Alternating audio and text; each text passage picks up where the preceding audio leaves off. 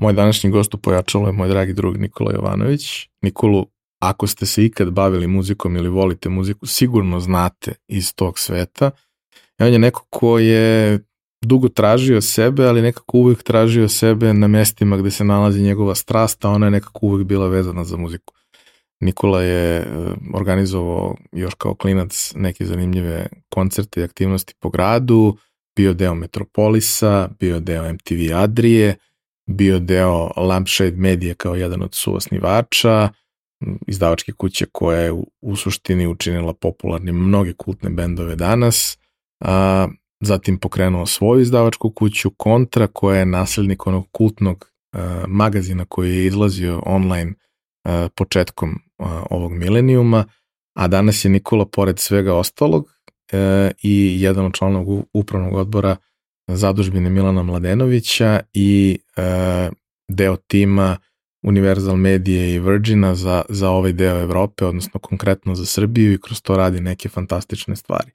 Pričali smo o njegovom putu, ali pričali smo o tome kako se muzička industrija menjala kroz prethodnih 20 godina i kako je ta liberalizacija koja nam je došla donela neke sjajne, možda ne tako neke možda ne tako sjajne stvari, ali sve u svemu učinila uh, potencijalni uspeh i izlazak pred publiku mnogo dostupnijim za sve one koji žele da se bave muzikom. Uživajte. Realizaciju ove epizode podržala je kompanija Epson, koja je vodeći proizvođač projektora i štampača za sve namene, od kućne i kancelarijske upotrebe do profesionalnih uređaja koji se koriste od maloprodaje do industrijske proizvodnje. Već 20 godina u nizu proizvode najbolje projektore na svetu, a prvi štampač napravili su pre više od 50 godina. I dan danas svaki godin ulože preko pola milijarde dolara u istraživanje i razvoj novih proizvoda sa fokusom na održivo poslovanje i očuvanje životne sredine. Upravo zahvaljujući tome, njihovi inkjet uređaji najnovije generacije prave 94% manje zagađenja od konkurencije uz maksimalan kvalitet otiska. I vaš mobilni telefon koji sada nosite i na kome nas možda slušate i gledate najverovatnije je napravio robot koji je stigao iz Epsonove fabrike. Roboti su super. Japanski roboti pogotovo.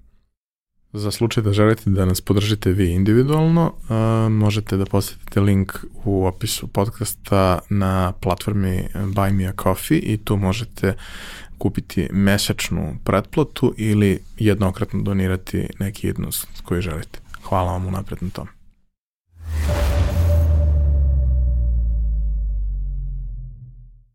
Nikola, dobrodošao. Hvala. Ti si drugi Nikola Jovanović koji nam je u gostima, ali tvoja priča je... A znam i ovaj, prethodnog. A znaš i prethodnog. I imate neke poveznice, ovaj, postoji ta muzika koja, koja je vrlo važna ovaj, u životu obojici. A, tvoja priča je krajnje neobična i živopisna, ali mislim to je i razlog zašto si, zašto si danas ovde. Ti si tokom cele svoje karijere radio neke čudne stvari, obično po više njih istovremeno, ali se ispostavilo da si zapravo uh, iz mog nekog ugla svedok dešavanja ovaj, na, na, na sceni uh, od trenutka nastanka te scene pa do danas kada, da kažemo, imamo jednu potpunu liberalizaciju muzičkog tržišta koja ima svoje dobre i loše strane kao i sve ostalo. Pričat ćemo o tome danas, pričat ćemo o, o, o celom tom tvom razbojnom putu koji traje 20 godina ali kao i sa svim ostalim gostima i sa tobom. Prvo pitanje, mančmelo pitanje. Šta si teo budeš kad porasteš? Uh, legitiman odgovor svašta, ne, ni, moram da budem... Vidi, Malo konkretno. Da, svašta, to, je u stvari moj problem životni, to kad kažeš radim svašta i više stvari isto vremena, zato što me svašta zanima i kad sam razmišljao sad, kad sam dolazio emisiju, kao bio sam da, da prevrećem po glavi sve čega mogu da se setim. Prvo što mi je palo na pamet, prvo sam htio da budem arheolog i to jedno jako dugo vreme, a to je period taj detinstva kad sam se jako ložio na Indianu Jonesa, a onda su to još začinili Gunisi kao film i uh, još začinila Metra bez drške jer ima ona cela sezona veselog majmunčeta kada Zlatko to naš ono istražuju i cela to i to je taj jedan period života sam naš ono kao to ne mene, mislim generalno me istorija zanima ali ovo je kao nešto Egipat i, i, i te neke stvari. Muzika me suštinski uvek zanimala i volao sam ono, i muziku kao klinac i malo sam kasnije krenuo da idem u muzičku školu, ali imao sam tu svakakve ja ideje da budem doktor, jedno vreme sam da budem veterinar, ono to isto, mislim, naš, ta neka ljubav prema životinjama, to me jedno vreme držalo, ono isto dosta dugo, ali sam dosta dugo ja ostvario to u karijeri, pa pričat ćemo vjerojatno o tome, ali naš, meni je trebalo više vremena vjerojatno nego nekom nekoj prosečnoj osobi da shvatim u stvari šta ja hoću da, da radim u životu, ali ajde nek budu da, veterinar i arheolog, to su bile dve stvari koje sam ono onako uh, želeo. Iz ove perspektive mi je žao što nisam završio pravni, na primer, mislim da bi mi sad život bio dosta uh, jednostavniji, ali tada mi to uopšte nije izgledalo kao, kao opcija. Mislim, dobro, ti se baviš autorskim pravima ovaj, i, i, i tim delom muzike između ostaloga, da, možda bi ti bilo malo lakše, a možda bi imao i neke nove traume kroz... kroz ovaj, pravni fakultet, da, jer, i praksu. Jer ja ne znam nikog ko je završio pravni, a da nije poneo sa sobom jedan onako bagaž trauma sa tog fakulteta. Mada, slično je uglavnom i sa, sa, sa, sa ostalim fakultetima. Pa da. Teo sam i da upišem uh, skoro, pre par godina sam da upišem master na pravnom, sreće odbili su me. ima ne, šalno na stranu, ali pravni ima dobar master uh, za ta autorska prava, ali moj fakultet koji sam na kraju završio potpuno nekompatibilan sa, sa pravnim fakultetom, pošto je umetnički, to je faktički značilo da ti moraš završiš ono, ne znam, sve ispite, pa da bi uopšte mogu da uđeš na master bez obzira na moje moljenje da meni to ne treba da bi se ja tako bavio, jel te pravo, nego želim da ja to kao naš, prosto prođem kroz neki sistem, ali ne, nije bilo, nije bilo šanse. E, jedna od stvari koju, da kažemo, deliš sa, sa većinom gostiju i sa mnom je to da te zanima svašta nešto. Uh mhm. -huh. I naš obrazovni sistem je dobar sa jedne strane ako te zanima svašta nešto, jer stvarno svašta nešto imaš na raspolaganju. Sad, koliko ćeš dobiti u tom celom procesu, često zavisi od motivacije nastavnika, profesora i tako dalje. Mnogi od nas su kroz, kroz školu zavolali stvari koje im apsolutno nisu bile interesantne pre toga, zbog toga što su ti ljudi koji su ih učili imali neverovatnu ljubav i posvećenost i prosto to negde ne možeš da ignorišeš. Ali sa druge strane, e, problem i jeste negde to što ti ne omogućava baš da se profilišeš, nego najbolje prolaziš u suštini ako te ne zanima ništa. Pa nije loše ni ako te zanima nešto specifično, ako te zanima sve, mi ćemo te gurati da ti naučiš sve, ali ćeš onda doći u nekom trenutku kad treba da doneseš odluku šta ćeš da budeš ili u kom smeru ćeš da ideš dalje, doćiš u situaciju da ti je mnogo teško da tu odluku doneseš, jer nemaš baš neke parametre na osnovu kojih to možeš da uradiš. Kako je tebi izgledala škola? Mislim, to je ono nešto što pitam sve ljudi, ceo taj proces ono dolaska do nekih zrelih godina. Pa vidi, znaš šta, ja sam menjao škole i u stvari imao sam sreće da budem u dve dobre škole. Jedna se zove Petar Petrović Njegoš i postoji danas na, na Sapskom vencu. To je kraj u kome sam živao do nekog petog razreda I to su, ajde kažemo, ono, detinstvo i te neke realno sretne godine pre samog početka. Doduša, ja sam krenuo u školu 90-ih, ali i dalje sam, naš, kao dete malo bio zaštićen u tom nekom balonu, ono, prosto, ne znaš, nisi baš, kapirao si da se nešto dešava, ali nisi baš do kraja to mogu da skapiraš. Uh, znaš, i Njegoš je ono i dalje važi za školu na, na, na, na glasu i imala je onako i, i stroge profesore. Ja sam imao sreću da imam učiteljicu koja je nekako bila ok prema nama i tih nisam imao neke traume, znaš, ono, znaš, kao klinci, kao sad gledam to je po mom detetu koje ne, mislim, srećam nema traumu, ono, polaska u školu, ali da, nije se mnogo sistem, ono što vidim, nije se, promenilo su se knjige, ali ne vidim da se sistem nešto naš preterano uh, promenio i ne sećam se ja ni puno tog ono, više sećam tog petog do to kao osmog razreda uh, i to je već, znaš, kad ja menjam školu i kad odlazim u, u drugu sredinu, ono, drugi, drugo, drugovi, druga priča uopšte sve. I odlazim uh, u školu koja se tad zvala Stari grad, to je prva proletarskih brigada i ta škola više ne postoji. U stvari, ta, tamo je sad sportska gimnazija, to je bila moja škola i to jeste period kad sam ja počeo se tražim u smislu kao, e da, sad šta, šta to mene sad zanima i, i kako i šta. Ja sam svoj prvi posao u stvari u životu imao u školi sad to zvuči onako, znaš, moje dete, kad sam mi pričao onim 8 godina, i ona kako, kako, kako, kako misliš posao, znaš. I sad, ja sam u petom tamo razredu već počeo radim u školskoj biblioteci. Koliko to sad, znaš, deci vjerojatno zvuči abstraktno, ali to je kao dolaziti drugari, imao si radno vreme biblioteke, ti si tu posle škola, ne znam, od 2 do 3, 4, koliko god si vremena imao i sad kao upišeš koju uzo knjigu, kartice, vratiš, vratno danas to svide preko skenera i kompjutera, ali tad je kao išlo ručno. I to je, naš, prvo kao, aj kažem, neko iskustvo, znaš, da ti kao imaš neku obavezu da ideš negde da dolaziš. I onda sam posle i drugi posao u istoj toj školi, jer smo imali profesora biologije zbog koga sam ja i zavolao biologiju i celu tu priču o životinjama i ono, to što ti kažeš, neko je bio jako posvećen. Um, mi smo bila jedna mala škola, uh, ono, uvek su bila ona varijanta fancy ako ideš u Skadarli, a nisi fancy ako ideš u prvu proletarski brigada, jer smo mi imali puno romske populacije dole u, u, u, na Dorčolu, ali ta škola je stvarno imala dosta posvećenih uh, profesora, uh, imali smo relativno malo odeljenja i moglo se nama nešto da se znaš, ono radi. Ja u suštini imam množno dosta lepih iskustava, iz, koliko imam i ružnih jer su to 90-te i znaš, možeš misliti kako je Dorčal izgledao 90-ih i rat i živo sam preko puta Bitefa koji ono, gde Marija Milošević držala klub ono do pet ujutru, znaš, ti ne možeš spavaš pored pijace, ono, pržionice kafe, ludilo inflacije, svega, dva podbacanja bombe tamo, mislim, meni su ono, znaš, kao prate te do znaš, uzimaju ti pare. Mislim, ludilo, jedno sve opšto ludilo 90-ih koje je bilo kako je bilo. Znaš, toliko je ta škola bila nekako kao, znaš, jedan mali, ono, stvarno hram gde si nešto mogao da radiš. Ja sam svašta radio u toj školi i te neke glum, glumačke sekcije, znaš, ono, kao klinaci, pa kao ajmo sad sve. I naš drugi posao koji sam imao profesor biologije vodio nekada to se zvalo zadruga, školska zadruga. E sad, ta školska zadruga bila ovako jedan limeni ono kućica ispod stepeništa ono gde prolazi svi đaci i to je u stvari školska knjižara uh, koju sam ja nasledio dva drugara koji su bili dve generacije iznad nas i kao kad je trebalo neko kao da ih nasledi, eto kao on je odabro mene. I onda sam posle ja to sa drugaricama iz svog razreda radio, ali to je, znaš, ono, to sad iz ove perspektive stvarno deluje kao pravi posao, ti si barato sa pravim parama, klinci su dolazili ono tvoji drugari, treba im vežbanke za pismeni olovke, gumice, šta god. Ti ja sam sam išao u nabavku lokalnu knjižaru koja nama da papir, otpremnicu, znaš ti tačno znaš, pa prebrojiš pare, prebrojiš pazar i tako dalje.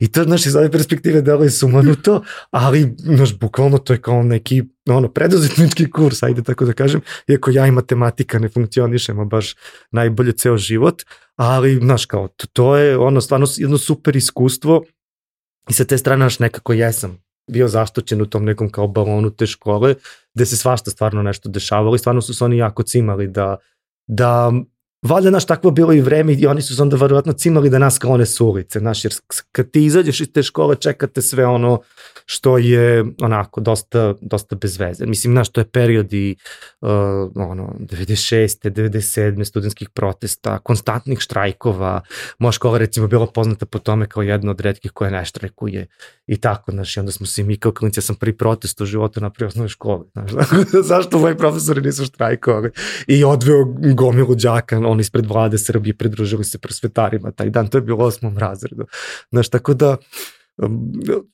ono, u suštini škola mi je bila ok, posle sam završio treće Beogradske gimnaziji, ne pitaj me zašto i kako, ali to je... Pa gde baš tu najteže? Ma gde je najteže? Pa ne znam, znači u to naše vreme prva i treća su bile strah i trepet. A vidiš, ja sam imam utisak da su prvi i peta bila strah i trepet, zato što je peta imala još dosta dodatnih tih profesora. Sve u petoj je važilo koju smenu upadneš, pa da li ti mm. upala ona latinka koja je pisala i učbenik i kako, šta već ko. Uh, no šta, jeste treća, no, mislim da svaki novi početak težak, razumeš, ti sad opet uh, nem, nemaš pojma zašto si upisao gimnaziju. Znači, bukvalno ja, ti si završio sad osmi razred, svi su u fazonu, prvo imaš taj, tu presiju prijemnog ispita. Sad više ni ne znam kako su prijemni ispiti danas, ali nama je bilo ono srpski matematika. I to je značilo da ti sad ozbiljno kao mora se spremaš za to, ajde za srpski manje više, meni srpski išao ono dosta dobro u školi, ali matematika je bilo horor i sreća moja, ono moj čale digo ruke od moje matematike i više nije prosto mogao sa mnom da radi matematiku, a meni ta matematika to je jedna zbrka u glavi i to kao, znaš, i dan danas je tako. I e, moja baba pokojna je bila profesor matematike i onda sam se ja godinu dana spremao za, za taj prijemni, tako što sam svaki dan posle škole išao kod žene, otor sam ju grob, bukvalno. Ona išao kod žene i ona uzela knjigu od prvog osnovne sa mnom i krenula celu matematiku do osmog razreda da videla koliko je sati, razumiješ. I mi smo bukvalno krenuli ono i ja sam bolje radio matematiku na tom prijemnom za treću sam radio bolje matematiku nego srpski i upao sam u treću, u stvari treće je meni sad iz ove perspektive bilo više fora kako da upadneš u treću, zato što je bilo užasno velika mm. navala, znači da mora da budeš ono odličan đak u osnovnoj školi, ne možeš da budeš 5-0, ali da imaš približno, ja nisam bio 5-0, ali sam imao skoro ta matematika, veš, uvek bi pravila prosek dole, ali uh, znaš, mora se da imaš do, dosta dobar uspeh i verovatno neka takmičenja, ja sam imao neke istorije, neke ono tako stvari, išao sam na na, išao sam na gomilu tih takmičenja iz biologije, ne znam, to se zove Kulturni centar Beograda, ali što, uh -huh. da, to postoji i danas. Sad ne znam da li oni to danas radi, tad su radili takmičenje iz istorije, recimo imao si, ne znam, ono, spomenike Beograda, da, išao sam na to takmičenje, pa ne znam, o pticama, ovo, znaš, kažem ti, kad kažem svašta me zanimalo, stvarno sam išao na razne, ono, gluposti, ali nekako sam sebi upotpunjavao vreme, znaš, tako da, da, to je ono vreme pre interneta, pre, znaš, imao si video kasete, pa video klubu i tako dalje, ono što je i Bevac pričao, nisi baš imao sve na pa da mi ne bude dosadno. Mi smo faktički kao klinci tražili kako da nam ne bude dosadno, znaš, to je... I malo nekako da sebe, ono, zaštitiš od toga što se dešava oko tebe. Pa verovatno smo to podsvesno strašno. radili, razumeš, znaš, sad kad pričamo ti o tome, verovatno smo mi kao klinci to podsvesno i radili, znaš, da tebe zaštitiš od svega tog, tog horora koji se realno dešava na polju, na polju se dešava svašta, mislim, znaš, ono, možeš, možeš misliti. Tako da, ali nećemo da mračimo, ono, nekako smo pregurali, ono, tu smo, ajde, kao, naš, idemo dalje i to je sad sve neko, ja na sve to gledam kao neko iskustvo koje nas sad kao čini osobama, naša, ono, kakve smo danas. Tako da ja odlazim u treću, zato što je Ćališ u treću, stari Burazir išao u treću, strici išao u treću, tetka išao u treću gimnaziju, odnosno osmu, kako se tada zvalo, i kao, ajde šta ću, kao idem tamo, razumiješ? I ono, ja i još jedna drugarica smo iz, iz razreda osnovne škole završili u istom razredu u trećoj gimnaziji i ne znaš sad nikoga. Znaš, i onda kad kažeš teška gimnazija, meni to više prva godina bila teška, u smislu se ti navikneš na neke nove ljude, i da nađeš neko svoje mesto u tom nekom školskom sistemu i to je nekoj hirarhiji, to ko je popularan, ko nije popularan, gde si ti tu i tako dalje. Znaš, i ta prva godina, znaš, ti sad opet odlaziš iz jedne škole u kojoj relativno ti ono svi titraju, malte ne, razumeš, jer si kao dobar džak i kao nešto se cimaš i nekako te svi vole, ali ja sam i dosta u školi prolazio na šarm i to, znaš, kao uh, umeo sam da to iskoristim i dođeš u gimnaziju koji, ono, prilike profesor Bogjuvo, mislim, ono, kao ima ih na 30 i kusur u razredu, čet, koliko, šest razreda ili koliko već, razumeš? Ja sam upisao društveni smer i ono, znaš, sad kao, ajde, sve iz početka, matematika, novi profesori, latinski, znaš, ono, bolivo francuskinju, da li si ti počeo, prešao u novu školu, pa si u petom tek počeo učiš francuski. I mislim, znaš, tako, znaš, sad ti sve neke stvari koje su tebi rupe faktički iz uh, osnovne škole, nekako mora da nadoknađe u srednjoj školi i ta prva godina meni bilo užasno stresna, u smislu da je, ono, naš, bilo napeto, kao učilo se, razumeš, nije da nije, E sad, već u drugoj godini smo mi imali bombardovanje, čuveno, koje mene lično spasilo, ono, tipa popravnog iz matematike. I treće, četvrta godina su već ono godinu kojima si ti naučio sistem i sad potpuno vladaš sa kog časa možeš da bežiš, koliko možeš da bežiš i treće, četvrte godine nama su bilo potpuno rasulo i nemaš nekako imam utisak čak da su i profesori digli ruke, znaš, opet došli su nove prve, druge godine, ajmo s njima, a ovi su sad već kao, znaš, ono... Pacifikovan. Šta god, pa da, kao otprilike šta god, znamo ko je kreten, znamo ko je kakav i, znaš, kao, ajde, kao, i mi smo to bilo to koristili u smislu što si ti već, znaš, kao, prve do godine si nešto, tu, recimo, biologiju si bubao na pamet, od reči do reči si morao, ako hoćeš bilo kakvu smislenu ocenu da dobiješ, morao si bukvalno da učiš na pamet, ono žena diktira i ta jedna sveska kruži tu tipa 30 godina i sad ti ako promeniš jednu reč, to ti odmah četvorka, jer ti nisi ispričao, znaš. Imao si dosta tih predmeta koji se bubaju, ali si onda shvatio da ti to biologiju na kraju treće godine možda čitaš. Razumeš da nema potrebe da ti sad sediš noćima bubaš kao što sam bubao prve dve godine, nego kao sad smo svi fazon spikeri, razumeš, i sad kao sad neko je uspešniji u tome, neko, neko nije, ali to je rizik na koji ti sad kao pristaneš, razumeš, i kao sad ok, možda ću dobiti keca, ali možda ću uspeti nekako da, da se izvučem. Za matematiku sam našao recimo fazon, pa smo dobili neku profesorku, ono, čudna jedna osoba, ja sam shvatio da je, meni to prosto nije mesto, da ima matematiku naredne dve godine. I, znaš, sad, prve godine sam nešto pokušavao da učim kod nekog profesora koji je već odavno bio zreo za penziju i to je potpuno bio fail. Drugu godinu smo počeli, nismo završili, dolaziš treću godinu gde žena kreće sa nekim jednačinama i nešto, ti si u pozonu, ja ne znam koliko x puta x, razumeš, mislim, to je taj nivo, ne znam ni danas. I, i kako se zove, i sad shvatam da kao moje, meni jedino rešenje ove matematike je bežanje sa časa, I ja to bilo to koristim u smislu što dođem, odredim dva pismena i nema me, bukvalno me nema cele godine, sad kad kažeš treća je teška. I sad ja sedim na kafi ceo dan i onda dođem, odredim dva pismena, dobijem keca ovako kao vrata, razumeš, znači kao ne uradiš ništa, onda onda kažeš šta ćemo Jovanoviću s tobom na kraju godine i ti kažeš, pa nemam pojma, ali makar nisam bežao sa časova, razumeš? Jer kao, ipak imaš dva keca iz, iz pismenog, znači ipak nisam bežao, onda kaže, dobro, ajde četiri. E, Razumeš, i to je način na koji sam ja završio tu gimnaziju, da budemo vrlo, jel te, iskreni. Uh, bilo je ekipe koja je upisivala sebi ocene kad god to, ono, razredni ode pa otvori dnevnik, pa kao ovi iz fizike, kao kad sam ja tebe pitala, pa pitali ste mi, razumeš?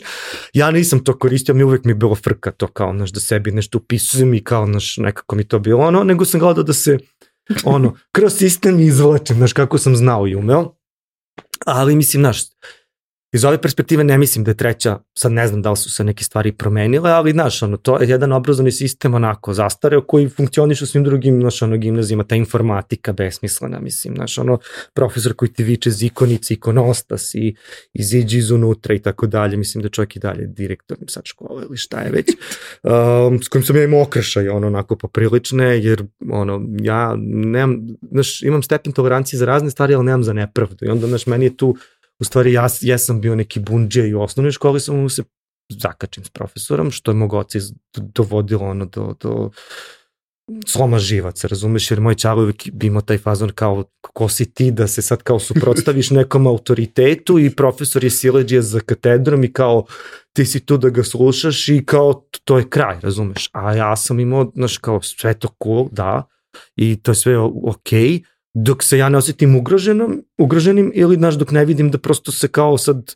ono neka sila demonstrira nad ljudima samo da bi se ta sila demonstrirala. Jedan od takvih ljudi je bio taj profesor informatike, znaš, i ono, bilo je takvih posle dosta. Da, da, pa svako od nas ima nekog. Ono, Ali, znaš, ja nisam od onih ljudi koji će sedi da, da ćuti i nikad, ono, prosto nisam bio, nisam ni danas takav i uvek sam, naš, u odeljenju reagovao na te neke stvari kad vidim da mi kao, ne, ni čak na čak ne, ne, samo prema meni, nego naši prema ono kao ortacima, drugim ljudima koji su bili kao, znaš, nema razloga se nekom daješ keca samo da bi se izživljavao, razumeš, a da svi sad sedi kao čuti, kao svima je to smešno, ali mislim ne kao, u suštini nije smešno, razumeš, nego kao prosto samo se ponašaš kao kreten i jebi ga, da, posledice toga da ću da idem kod direktora, okej. Okay. Ići ću kod direktora, razumiješ. Ove, Jovanoviću i ja sam bio vođa sindikata. E, da, da. Znam kako to izgleda. Mislim, ta šta im, moj boravak otporu takođe nije od, pomogao, razumeš, celom tom kao shvatanju, ono, autoriteta, ali to je došlo tamo negde sredinom, znaš, ono, srednje škole u stvari, taj A, otpor Mislim, sve. mi smo imali taj moment, recimo u prvoj godini srednje škole smo imali užasno iskustvo sa, sa profesorkom matematike, bili smo stvarno sjajne odeljenje i kroz celu školu smo bili sjajne odeljenje. I ja sam u nekom trenutku, pošto sam ja bio posebno nezadovoljan, da sam pitao ostale kakvi su po tom pitanju, svi su bili vrlo nesrećni kako je to sve izgledalo, ja sam pokrenuo peticiju. I mislim, danas znam da peticije u principu ne služe ničemu. Međutim, iz nekog razloga nas su poslušali. Uh mhm. -huh. ovaj, jer smo zaista dobili potpise sve dece i tako dalje. Ja sam to odneo i rekao, hoćete vi nešto da uradite sa ovim ili ćemo mi da prestanemo da dolazimo na nastavu i promenili su je recimo dve nedelje pred kraj školske godine. Došao je profesor koji je ishendlovao taj kraj na neki najbolji mogući način koji svakako nije bio baš idealan jer imaš taj diskontinuitet, dolazi čovjek, ne zna nikog, imaš dva mm. časa da mu se ovaj, pokažeš na neki dobar način i to sve, ali završila se ta agonija i onda kad sam vidio da to može tako, ne, nije to bio jedini put. Ovaj, s tim što naravno bilo je prepreka koje ne možeš da savladaš na taj način, jer mm, postoji nešto što ne znaš, neka vrsta zaleđine ili nečega i ti ljudi su, ovaj, mislim da, da je deo njih i dan danas tamo i da uništava deci ovaj, život, ali dobro, to je... Da ne ljudi, ja nisam protiv profesora i ja jako cenim tu, kažem ti, baba mi je bila profesor matematike i stvarno cenim prosvetne radnike, nemam ništa protiv njih, mislim da rade u teškim uslovima i vremena su se isto promenila i znaš, teško i sa roditeljima danas i ja to gledam i po svom detetu i po njenom odeljenju i po roditeljima u vrtičkim grupama, Viber grupama i tako dalje i to je ono sad ono kao to, to je što je, ali da, jako zavisi od toga koliko ko voli svoj posao i na koji način će to preneti na decu. Kažem ti, ja sam imao super iskustvo u osnovnoj školi zašto su ti neki profesori cimali. Imao sam neka lepa iskustva i u srednjoj školi, ali nisu svi profesori bili ono prosto sjajni, ili mi nisu svi profesori seli, ili neki predmeti mogu oni da budu fenomenalni profesori, ali jebika ja nisam za fiziku i matematiku, razumeš, to, to prosto ne ulazi u moj mozak, razumeš, i sad ja imam užasan otpor prema svemu tome, u stvari imaš užasan otpor kad nemaš matematičku dobru osnovu, to sam imao posle u muzičkoj školi. Znaš, to jednom kad taj solfeđo ne naučiš od samog starta dobro, tebi će strah taj od tog predmeta pratiti ceo život. I tako je mene, malo, znaš, ono, strah od matematike, evo ja prenosim na dete tako što se ne približavam. Mislim, naša ono, žena radi matematiku sa njom, ali to je kao, znaš, ja sam negde svestan svojih ono, kapaciteta i kao matematika definitivno iz nekog razloga, naš ono, zvuči čudno jer dolazim iz te porodice inženjera i arhitekata i koji to sve razumeju, a meni to naš kao nekako ja bi ga ne leži. A dobro. Svi smo mi u nekom trenutku bili crne ovci i uljezi u sobstvenim porodicama. Ovaj, u principu prvi, prva prava velika odluka koju donosimo u životu je ta odluka vezana za šta posle srednje škole. Mm -hmm. Neko tu odluku donese ranije tako što se profiliše kroz srednju školu, mada kod nas to profilisanje u suštini nakon bilo koje srednje škole možeš na bilo koji fakultet, nema te neke vrste ograničenja, ali faks jeste nešto što te odredi. Naročito ako ostaneš veran tome da se potrudiš da ga ipak završiš i tako mm -hmm. dalje. Faks jeste nešto što te, što te ipak odredi. Kako si ti razmišljao uopšte u tom trenutku? Mislim, pričamo ono, o periodu... Ma nisam razmišljao, ko, gde sam razmišljao, razmišljao, mislim, aj se probam ljudima da dočaram. Znači, to je, ja završavam uh, 2000. srednju školu. Znači, to je 99. 2000. I, uh, ne, 2000. 2001. To je, znači, tačno, znači, 5. oktobar. I mene od treće godine apsolutno ništa drugo nije zanimalo sem otpora. Mislim, ne znam kako drugačije to da ti, da ti objasnim. Znači, to, to bukvalno, ono, zna, ono, znaju moji drugari, ja sam bio opsedno potpuno, mislim, time, razumeš, i kao, ja sam tad već hteo budem član građanskog saveza, imao sam sliku Vesne Pešića, ono, gajbi, razumeš, i to je kao, nisu hteli me primjer, nisam imao 18 godina i ja sam, ono, izašao iz zatvora, tipa 29. ono, do, doći ćemo i do toga, i ono, napunio 18. pa tri dana kasnije otišao sa učlanom, razumeš. E, znači, mene ništa u tom trenutku nije zanimalo sem kako ja da dokam slobi, razumeš? I to je, znači, i sistem u kome ja sad sedim, ono, neki od mojih drugari školi su ono deca funkcionera i to u tom trenutku ozbiljnih funkcionera, znaš, znaš, u razredu pored ide Sentina čerka. Mislim, Sentin Buraz, Burazir je ovaj gospodin koga danas ono ko ove marihuane i ove plantaže jure, razumeš? Tako da mi jesmo uvek imali taj snobovski pristup treće gimnazije, jer dosta dece funkcionera iz centra išlo u tu školu i sa mnom su išli neki, znaš, onda imaš moju sliku u trećem razredu, znaš, na kraju godine, ja sam u ogromnoj pesnica, majica koja ne može da se ne vidi, sad oni to donose kući roditeljima i vratno su pozvani koji ovi kretanje, još imam i dugu kosu, razumiješ.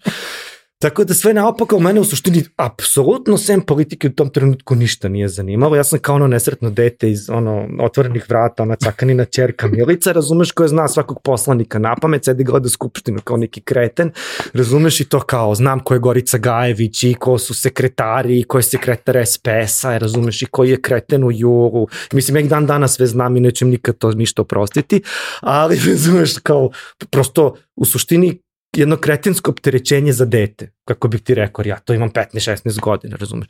I ja, jedn, ono, sad sam prolazio, kad sam dolazio kod tebe na snimanje, prolazim pored ovog specijalnog suda, stvari shvatim da je to prvi put kad su mogli da me uhapse, pošto sam tad sa otporom, ja sam, uh, bilo ono, ne znam, se, to je te godine bilo pomračenje, to se sećaš, kad su da. ljudi da. zamrčivali, nismelo da se izađe napolje, i onda otpor pravio neku akciju, nešto pomračenje sunca bilo je na platovu tamo ispred filozofskog, I tad sam ja došao, prišao, ne znam, Srđi Popović bio fuzonu, e, ja sam taj, taj, mogu ja da, kao, znaš, ja bi dođem u otpor, niko, pa ajde, znaš, ostavi neki kontakt, nešto. I onda znam šok mojih roditelja kad je prvi put zazvonio telefon, neko se fiksni naši predstavi kao traže Nikolu iz otpora, znaš, to su sad dani objašnjavanja sa roditeljima da me neće uhapsiti, da me neće neko ubiti i tako dalje. Moji roditelji su užasno protivili uh, cijeloj toj priči, znaš, ono su u to nije tvoja borba i kao ti treba da ideš u školu, a kao ovo je naša borba, kao jebi ga, mi smo napravili sranje na nama je da ga, da ga počistimo, ali nije to meni baš ono ulazilo u glavu. Ja sam od tog avgusta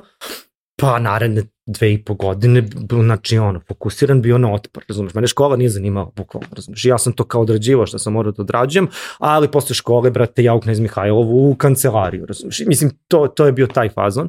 I svašta smo to mi radili, onda smo tu radili, tu ustaničko smo radili, to performance, neki, posle bombardima 99. je bio jedan deo vojnika i, ili ljudi koji se nisu javnili vojnim pozivima ili šta je već bilo, pa su oni njih tamo nešto tužili, mi smo tu neku zastavu razapeli, jel te, ispred ono, uh, tog vojnog suda i onda izašao ono vojni pandur da nas vuče, razumeš, ono, i to smo izbegli ne znam kako, moj ortak je izvršio naslovnoj strani blica, ja sam čučno ko pizda da se ne vidim, da me roditelji, jel te, ne vide, ali sam iza te zavese, imam čak negde tu sliku vjerojatno iz blica, na naslovnoj strani, bukvalno, razumeš, ispred vojnog suda akcija i sve što sam ja radio, znači to, bili su kao otpor varijante i cela srednja škola na kraju meni prolazi u tome, ono ispijanju kafe, bežanju sa časova i kao, ok, šta ćemo danas da radimo, ono, gde ćemo crtamo pesnici te, te varijante, ono, znaš, dva ujutru ljudi idu na, ne znam, kolos je tada bio jako popularan, ja dolazim u rancu sa, ne znam, 16 spreva i kao čekam ortaka do dva ujutru kad se završi kolos idemo pišemo pesnice po gradu. Mislim, budalaština, znaš, iz ove perspektive sam u fazonu, koj tebi djavo jebote. Ali dobro, to je sad bio mladalački entuzijazam i onda ja na osnovu toga faktički su fazonu ja ne znam šta ću da upišem, bukvalno naš ono tika taka kao, kao aj čekamo polugodište drugo pa ću ja možda nešto, i sad se tu već tripujem medicina, razumeš kao šta bi ja to sve mogo, šta mene tu stvari zanima od svega toga I sad kreće 5. oktobar, kreće sradnje, kreću promene ovo ono i ja kao budem fazonama, dobro, ajde, pisat ću političke nauke, znaš, ajde, ako se već bavim time, znaš, ako me već to stvarno toliko uvuklo ono u sebe, ja budem u pa dobro, linija manjeg otpora, šta, bukvalno su fazonu, ne, ne znam šta hoću. Znaš, i kao šta se, ne znam, polaže za prijemni neka sociologija, istorija, isto, i srpski ili test neke opšte kulture, ja to da mi položim, razumiješ. I se kao ti upišeš političke nauke, u fazonu si kao, wow, jebote, mislim, ono, i onda dođeš na faks i budeš u fazonu, jebote, vratio sam se u srednju školu, jer ja sve, sve, ovo, sve ovo opet, što nisam hteo da učim na pamet, me vi terate da učim na pamet. I to ti je u stvari, naš, moj, moj dvogodišnji boravak na političkim naukama, gde sam ja sad zamišljao ćemo mi tu sad nešto sedemo, pa malo da diskutujemo, pa će ti meni daš nešto da pročitam, kao u američkim filmovima, pa ti pa malo diskutujemo o Platonu ili ovome onome, a ti si u pozonu, ne, ovo je uh, sve što ja mislim o ovim sociolozima, na sto strana skripte i to je moje mišljenje, ti se uzmeš i naučiš ga na pamet.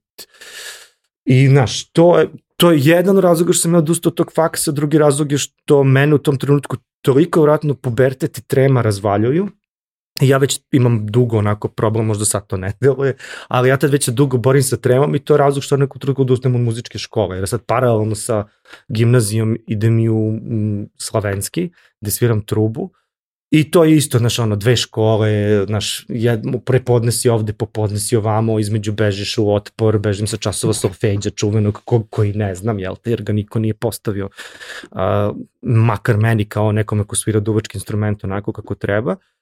I znaš šta tu praviš gomilu sebi problema, popravni ispite, znaš stižu roditeljima, kao u srednjoj školi si super, ja sam naš bio odličan đak, ali kao naš iz muzičke škole sad stižu kao ono, keci solfeđa i tako, znaš, kao sad, kao, i roditeljima je to fuzonom, naš muzička škola nije obavezna, boli ih uvo, to je tvoj izbor, hoćeš, nećeš. I meni kreće, naš, u jednom trenutku se lomi da ja imam neviđenu tremu kad sviram i ono, to prosto ide dotle da to je, ne, ne, znaš, ne znam kako to, to ti je parališuća trema. Mm. Bukvalno da se ti toliko treseš, da, znaš, kod trubače, to je jako zabavno kako se osluša usta, to, znaš, nema, nema, nema naš gde možeš da sviraš, razumeš, i to, to tako zvuči, razumeš. I to je onako, to je bilo mučno i zagledati, prosto, znaš, ali to je sad priča našeg obrazovnog sistema da tebe neko prosto nije uzu u toj muzičkoj školi i rekao, čekaj, stani, mi imamo školskog pedagoga, imamo psihologa, ajde malo sednemo da pričamo sa tobom, zbog čega ti kad izađeš iz tog babla svoju učionicu koju sviraš sa profesorom, imaš neviđeni problem da sutra izađeš na binu. Znaš, i onda se meni tu isto, ista stvar mi se desila na faksu, da sam položio jedan ispit, a to je engleski jer se polagu u kabinetu, a onda kad dođem pred, u amfiteatar pred ono 200, 300, koliko god ljudi tamo staje na političkim naukama, ja vidim onako, pogledam kao koliko ljudi ima i kažem, aj čao. Znači ne izvučem pitanja, ne izađem da probam ništa, ja sam pozvano, ja ne pričam, ne odgovaram pred 200 ljudi. I kažem roditeljima pao. Znaš, I sad obnovim ja prvu godinu sa celom tom pričom, pao sam. Ja sve vreme idem na predavanje, sve vreme učim istoriju, ne znam šta sam sve tamo, bubote, sociologije, kod Čupića i svašta nešto. Ali dođem, vidim amfiteatar i okrenem se i odem. Bukvalno, razumeš? I onda u drugoj godini kao budem u fazonu, jebi ga, znaš, ono, kao, znaš, nešto mora se promeni. Znači, ili ja idem sad da radim nešto, ili kao, ili ću da nastavim ovaj faks, ili moram da smislim kao šta ću da radim u životu. Znači, to je već trenutak kad se ja užasno lovim sa politikom, uzmišljao sam ja jesam učan u taj građanski savez, ja sam tamo bio neko vreme i sve to bilo super i ti se tu nešto ložiš, ovo ono, ali onda nekako počeš da kapiraš da ljudi sa kojima ti sediš kao u toj stranci nešto pričate, ovo ono, u stvari se svi tu neko lože na neku vlast, lože se na neku priču o to kako se ko vozio kolima, s Natašom Mićić, sa ono kako ko sedi u, ovaj u Skupštini grada. Mislim, znaš, to neke priče onako, Goran Svilanović u tom trenutku ministar mm. poslova i to je, znaš, neke su ono kretenske priče koje, koje ti prosto više, kako bih ti rekao, nemaš više taj nalet entuzijazma i generalno atmosfera u društvu u tom trenutku bila, ja ne znam koliko, koliko se sećaš, ali bilo užasno mračno. Pre ubistva Đinđića, to je ono, konstantna previranja, optuživanja. Da, krenulo je bilo kao neka sjajna stvar, onda je krenulo da... Krenulo kao štunica, ovo, ono, razumeš, pobune, svašta nešto i znamo kako je to rezultiralo, razumeš. Ja, ono, budem fazonom, ne, mene prosto o, stranka ne zanima, politika me ne zanima na taj način, da mislim šta mislim, moje obeđenja su to, ali ja ne vidim prosto sebe u tom, znaš, u takvom jednom sistemu. I tu prelojim i sa političkim naukama u suštini da, da kao ja bi ga nije ovo sad fakultet za mene, razumeš? Znači, ok, da imam tremu na kojoj sad definitivno moram da radim, odustajem od muzičke škole definitivno, jer ono, profesor odlazi u penziju, ja sam se ono zagovnio sa solfeđom i neki popravni opet mi, znaš, ono, onda kao ajde pređem, znaš, onda me nataraju kad pređem na vanredno, ti pređeš na vanredno, onda dođeš u septembru, prijaviš ispite, a oni ti ponište celo, recimo, drugu godinu, gde imaš, ne znam, 14 ispita, oni meni ponište 12 ispita, jer kao, uh, pa kao prešao sam na vanredno, ti budeš pozorno, pa ne, znaš, ne mogu polažem 12 ispita koje sam već položio, kao ostalo su mi dva koje ste, mislim, znaš, ono, potpuno jedna ja kao dignem ruke i od jednog i od druge, budem fuzonao kao, jebi ga, mene u stvari zanima muzika, razumeš, i mene sve vreme zanima muzika i ja sam, ja sam, ono, išli sviraju nekim bendovima, naši, mislim, kažem ti, kad kažem svašta sam radio, ne mogu ni stignem da ispričam, ono, šta se sve tu dešavalo tih godina, ali kao u suštini uvek me zanimala muzika, ja sam puno muzike slušao i, i, i ono, naš, jedva čekao recimo da im na Pepsi Siget, tad se to tako zvalo, uh, sam išao na Cure, to je moj prvi ono odlazak van zemlje na festival neki, razumeš, kao to potpuno, naš, ono, završiš faks i kao idem, naš, i te godine kad sam završio se pojavio Exit, znaš, to je isto nama bilo, Znaš, ono, ne, ne, ne mogu to da opišem, ne mogu ljudima da opišem te neke stvari, znaš, taj prvi, recimo, moj odlazak na Exit, ono, znaš, nekako se osjećaš, da osjećaš to, taj, taj jedan dah promene i, i neke stvari koje si ti priželjkivo kao klinac da se nekako desu u, u, u tvojoj zemlji. Znaš, potpuno ti nekako neverovatno deluje kao sad, znaš, seli smo s ortakom u auto, otišli, odvezali se na Petrovaradinsku tvrđavu kao otišli na neki koncerti, sad ti slušaš nekoj filmni koje koji si slušao kao na CD, ono, potpuno ti je, naš, ono, sumanuto, jednostavno, znaš, kao nekako ne možeš da shvatiš da to kao sad, Ma, mislim... tvoj život je sranja iz koga si, znaš, ono, krenuo. A imaš tu neku neverovatnu količinu energije kad krenu da se dešavaju takve nove stvari. Znaš, to prvi put, drugi put kad se nešto dešava, jednostavno ta energija koju ljudi koji, koji na tome rade odašelju ka svima je potpuno preplavljujuća. Problem nastaje što u ono desetom izdanju toga više nema, u dvadesetom je to samo biznis i tako dalje. Ko uspe da zadrži makar malu dozu te ono na kraju dana ljubavi u svemu mm. tome, on uspe da, da napravi nešto što ima trajnu vrednost, što nije samo fenomen koji se upalio i ugasio. Ali bilo je tad dosta takvih fenomena, ono, bukvalno, što kaže, priroda se budi, mislim, ljudi ne, ne, su se probudili. su se stvari desile, znaš, kao odjednom imaš, ne znam, krenu koncerti, pa onda pravi onaj Eho festival koji je propao, sećaš se ti, uh, znaš, odjednom ti u Beogradu svira Sonic Youth, ti si u fazonu kao, znaš, kao, znaš, ok, sa Sterom Siza smo malo prešli na, na kao neku veću ligu, pa Bondi, pa ne znam, Ambrozić, šta sve, znaš, Ambrozić isto svašta radio i tad sam ja već počeo se interesujem za koncert, tad sam upoznao Ambrozića i sad, nažalost, pokojnog Zlatka Jošića. Oni su bili ljudi koji su stvari, znaš, jedan taj dah koncert i te koncertne produkcije uh, doveli. Ja sam tad sa drugaricom koju sam znao iz Granskog saveza, mi smo se nešto tripali, kaj da dovedemo The Strokes u Beograd tako počinje moja koncertna karijera, znači potpuno ono sumanuta jedna priča. I sad ona je znala Ambrozića nekako posredno, mi odemo na neki sastanak sa njim i tad upoznamo njega iz Zlatka i od tako krene neko naše i druženje i neke priče oko koncerata festivala. Ambrozić posle 2003. preuzima da, da radi Exit kao programski menadžer i naš dovodimo oko i znaš kažem ti užasna jedna onako pozitivne stvari pored svog sranja koji se dešava u zemlji, jel te, se ipak u onom što mene to kao klincu to bilo jako, znaš, ono bitno, jako zanimljivo. I nisam bio sad na Sigitu par godina, ali naš poslednji put kad sam išao sam sa ženom, nešto, ne više se ne sjećam da je bila Florence and the Machine, tako nešto smo govorili.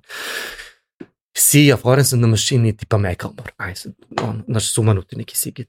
I sad kao, znaš, gledaš ovaj, ja već tada imam 30 kusur godina i ostavio ono dete u Beogradu, razumeš, kao otišao sa ženom dva dana, ono koliko nas, otprilike koliko smo uspeli babe da ubedimo da nam čuvaju decu.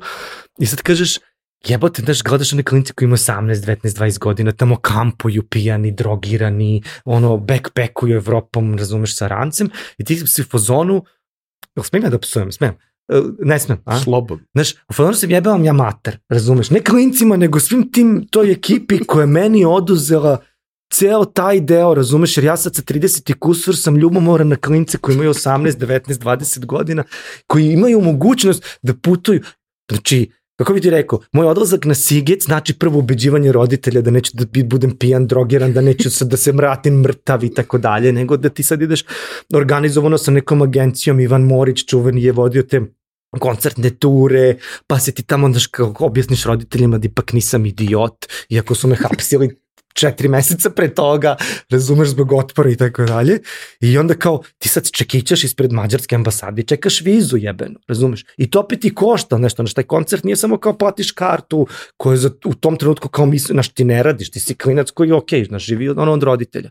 Znaš, i te kad odeš tako, ono, to ti otvara potpuno neke nove, znaš, otvarate neke nove svetove, otvarate neke nove priče, vidiš kako ljudi žive. Meni je zato žao što, znaš, danas ljudi ne putuju više, ok, nemaju svi financijske mogućnosti. Meni su ta putovanja i ti izlati posle koje sam ja imao, zahvaljujući pre svega Rodničkom savezu što sam uspeo da uđem u neke organizacije, da odem u Rim, da tamo me nešto nas snime, pa mi ono vode u Rim ponovo oni sami, razumeš? Um, otvara ti naš malo percepciju kako ljudi žive, šta je okej, okay, šta nije okej, okay, znaš, koje su neke zapadne vrednosti, koliko su ljudi opušteniji nego mi ovde, koliko su smireni, koliko je nekako tempo, mislim, znaš, ono, ok, italijani su posebna priča, ali meni to kao klincu, znaš, koji sad kao ode da radi za neku organizaciju Global Forum, pa se nešto kao mi tripamo, neki peace building, ovo ono, pa nas dovedu sve zajedno s Kosovo, Albanci, ne znam, mi, ono, svi živi moguće, od palestinaca, izraelaca, zajedno do amerikanaca, znači ne možeš zamišljaš, ono, sumanuta neka organizacija, um, koja na kraju organizuje koncert sa Quincy Johnsonom u Rimu, razumeš da dolaze Angelina Jolie, Oprah, ne znam koji bendovi, ono, mislim, Quincy Jones je radio on Every All the World i kao hteo da ponovi nešto i kao ti si u epicentru svega toga i onda ja sutra pregovaram sa studijom B da snimak tog koncerta emitujemo mi i Prištinu isto vreme. Mislim, znaš, kao sumanuto sam neke akcije radio, ali kao, znaš, sedim sa ono čerkom Quincy Jonesa, razumeš, kao, i sad mi to pričamo i ona sad mene pita šta ja mislim o Michael Jacksonu da li je okej okay da on nastupi na tom koncertu, to se sve dešava u Rimu, a imam 20 i kusur godina, znaš, malo su ti onako, nekako su ti nestvarne te varijante, I, znaš, ta putovanja prosto nekako to svešćuju. I poznaš jako puno ljudi koji su neki meni danas prijatelji, ono, iz svih krajeva sveta i, i ono, vidiš da ti klinci žive rasterećeno, znaš, da, da, znaš, mi smo tad, kako su na mene pa se zvali da dođem u Rim na taj neki kao internship, sam radio 15 dana u Rimu gde su oni sve platili, karti, avioni, mi sedeli kancu 15 dana i radili s njima na nekim projektima, ja i devojka iz Kanade. Um, mi smo pisali kao svako treba napraviti neku viziju svog grada budućnosti, to je kao bio um, kao konkursi, ti si sad kao napisao, ja sam napisao neki sastav, sad ti pišeš o nekom životu koji sad ti živiš ovde, onda kad odeš tamo na tu konferenciju, shvatiš, oni meni tad pričaju traffic jams. Ja sam pozvano, jebate šta je traffic jam u pičku ovaj po materinu, shvatiš traffic jam su ono kao današnje beogradske gužve, razumiješ? A ja kao, u tom trenutku si fazonu koje gužve, kog Beograda, razumeš? ko ima para za gorivo. Ko ima para za gorivo, kao početak 2000-ih i tu fazonu si kao, znaš, nestvarne su razlike. Ok, onda dođu tu palestinci, Gaza, ovo, ono, pa se indici, pa se te stvari iznivelišu, kao mi ono, zemlje trećeg sveta. Jebi ga, mi smo u tom trenutku zemlje trećeg sveta, nismo sad kao ono, mogu se tripa, mi smo iz Srbije, super. Znaš, Tako da, ono, ne znam, ja sam se uvek cimao i gledao da radim naš nekako zanimljive stvari da meni faktički ne bude dosadno, jer ja nisam lik koji miruje, nisam ni danas, ono, znaš, kao, odom žene i deca u, u Francusku, ja umesto da sedim gledam Netflix, razumeš, 10 dana, ja sam ono, ajmo, teretana, krećenje, razumeš, znaš, kao, prosto, to ću sa terapeutom da ima, ali to je, znaš, kao, ne mogu da miram. Tako da, ne znam, svašta sam ja tu radio i, i, i nekako sam gledao da mi bude zanimljivo i da se ložim na sve te stvari, ali znaš, na kraju dana mene muzika bukvalno pratila od kad sam bio klinac i tu sam negde prelomio na toj drugoj godini kad sam shvatio da nemam snage da izađem na te ispite, ali to je bukvalno, nema, naš, ja ne znam kako mogu sebe da nateram da to uradim. Razumeš, prosto sad nemam s kim da pričam o tome, znaš, ja većini ortaka to nisam ni rekao ono, čemu se tu radi, nego sam bio fuzonu padam ispit, idem dalje i onda prelamim da upišem Akademiju umetnosti koja je tada se zvala BK ili kako god da, i upišem ton tamo, zvuk, uh, pokušao sam, nisam ni pokušao na FDU da odem, odnosno išao sam na neke konsultacije, počeo kao da učim, da se spremam i imao sam čak i opciju za više elektrotehničku, ali su roditelji bili fazonu, ne, ne, možeš da upišeš višu školu, mora da upišeš fakultet, mislim, na šta to liči, razumeš? Jer kod mene u kući to ili studiraš ili radiš. Znači, iako prekineš da, da studiraš, počneš nešto da radiš, to je kraj života, razumeš? Znači, ti se nikad više na taj fakultet nećeš vratiti. To je tako u mojoj kući. Znaš, I nekako su oni uspeli da, da svare, da ćaj da upišem prvo političke nauke, sad kad te treba da svariš s roditeljima, već sad upišem neki zvuk kao šta je sad to, razumeš, čemu to služi, znaš, kao zašto nećeš i sad ja godam čavatu i kažem da, bio sam na konsultacijama i sve koje sam pitao su u fazonu, pa to nećeš pisati iz prve, mora se spremaš par godina, pa za, mislim, naš ljubav će da me čeka par godina sigurno da upišem fakultet, znači nema teorije, razumeš? I kao, ne, moji su u fazonu, ne, ne, ajde, kao, umro nam je deda, prodali su dedin stan, ajde, finansirat će prvu godinu mog faksa, tad je faks kao obećavao, znaš, ono, stipendije, od kojih se na kraju nije desilo ništa. I posle smo se snalazili i sad plaćaj taj privatni fakultet kad si već krenuo, razumeš, plaćaj ga.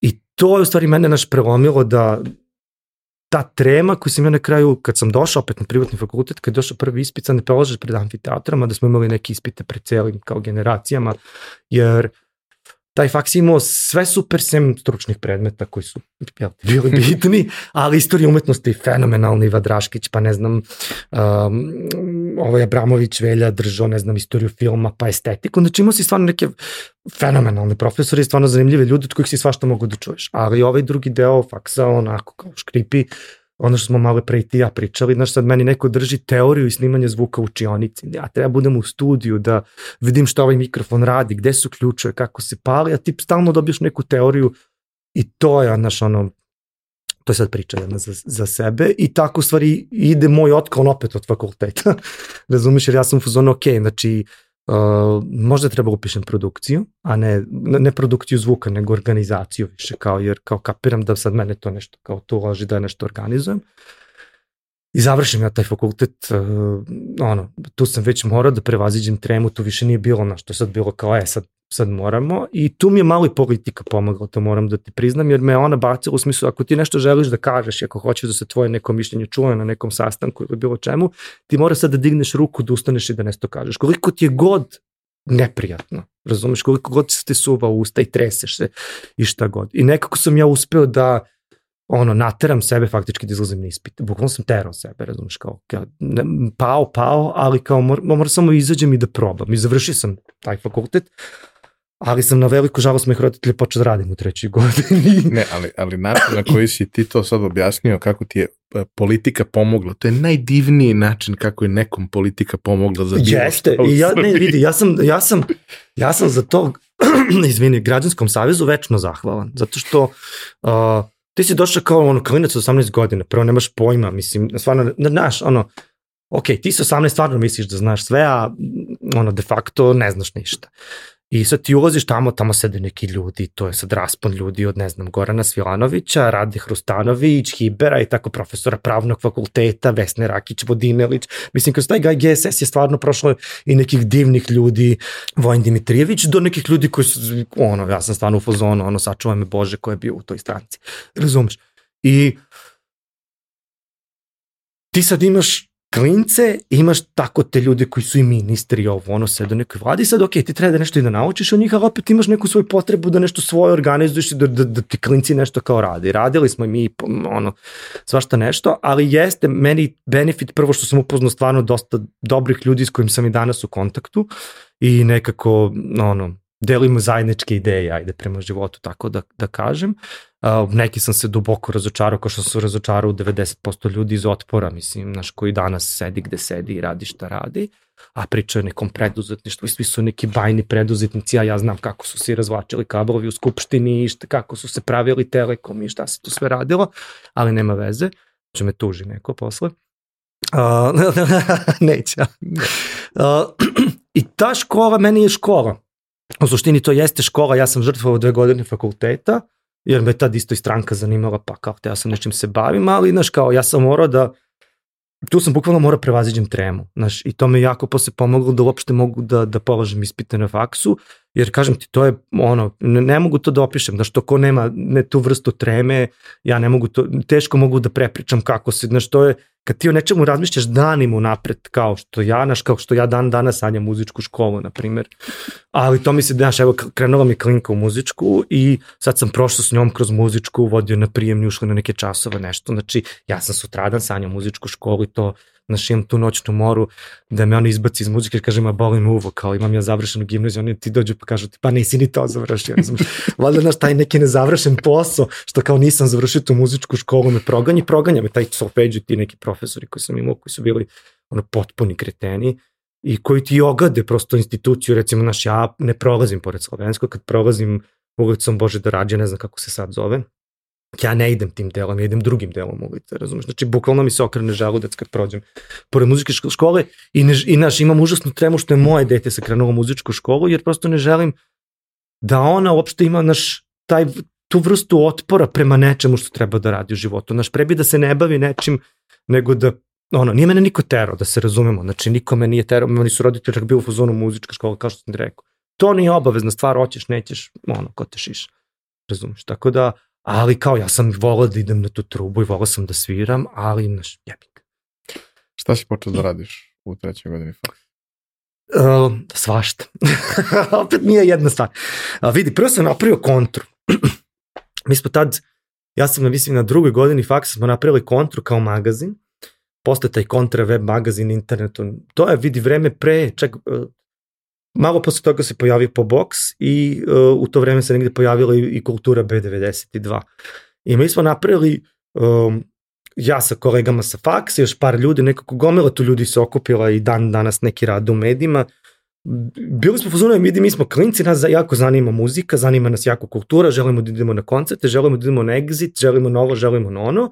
Zašto ne postoji neki NME magazin kod nas ili tako nešto slično? Uh, Imali smo romantičnu ideju da ćemo to jednog dana štampati kao što je Bevc donosi ti magazin, ali to se nije desilo. Smo napravili sajt uh, koji u tom trenutku ima onako jedan, možda nima puno pregleda, ali ima jedan ugled među kolegama pre svega. I ja sam 90% ljudi sa kojima i danas sarađujem, tipa Ambrozić, Dom omladine i tako dalje, upoznao delimično Ambrosić malo ranije, ali uh, upoznao kroz taj magazin. Znaš, ja sam ono, imao karte za exit svake godine i to ne jedno, nego znaš, stvarno smo imali super saradnju, sve živo što se dešavalo u gradu mi smo gledali da pratimo.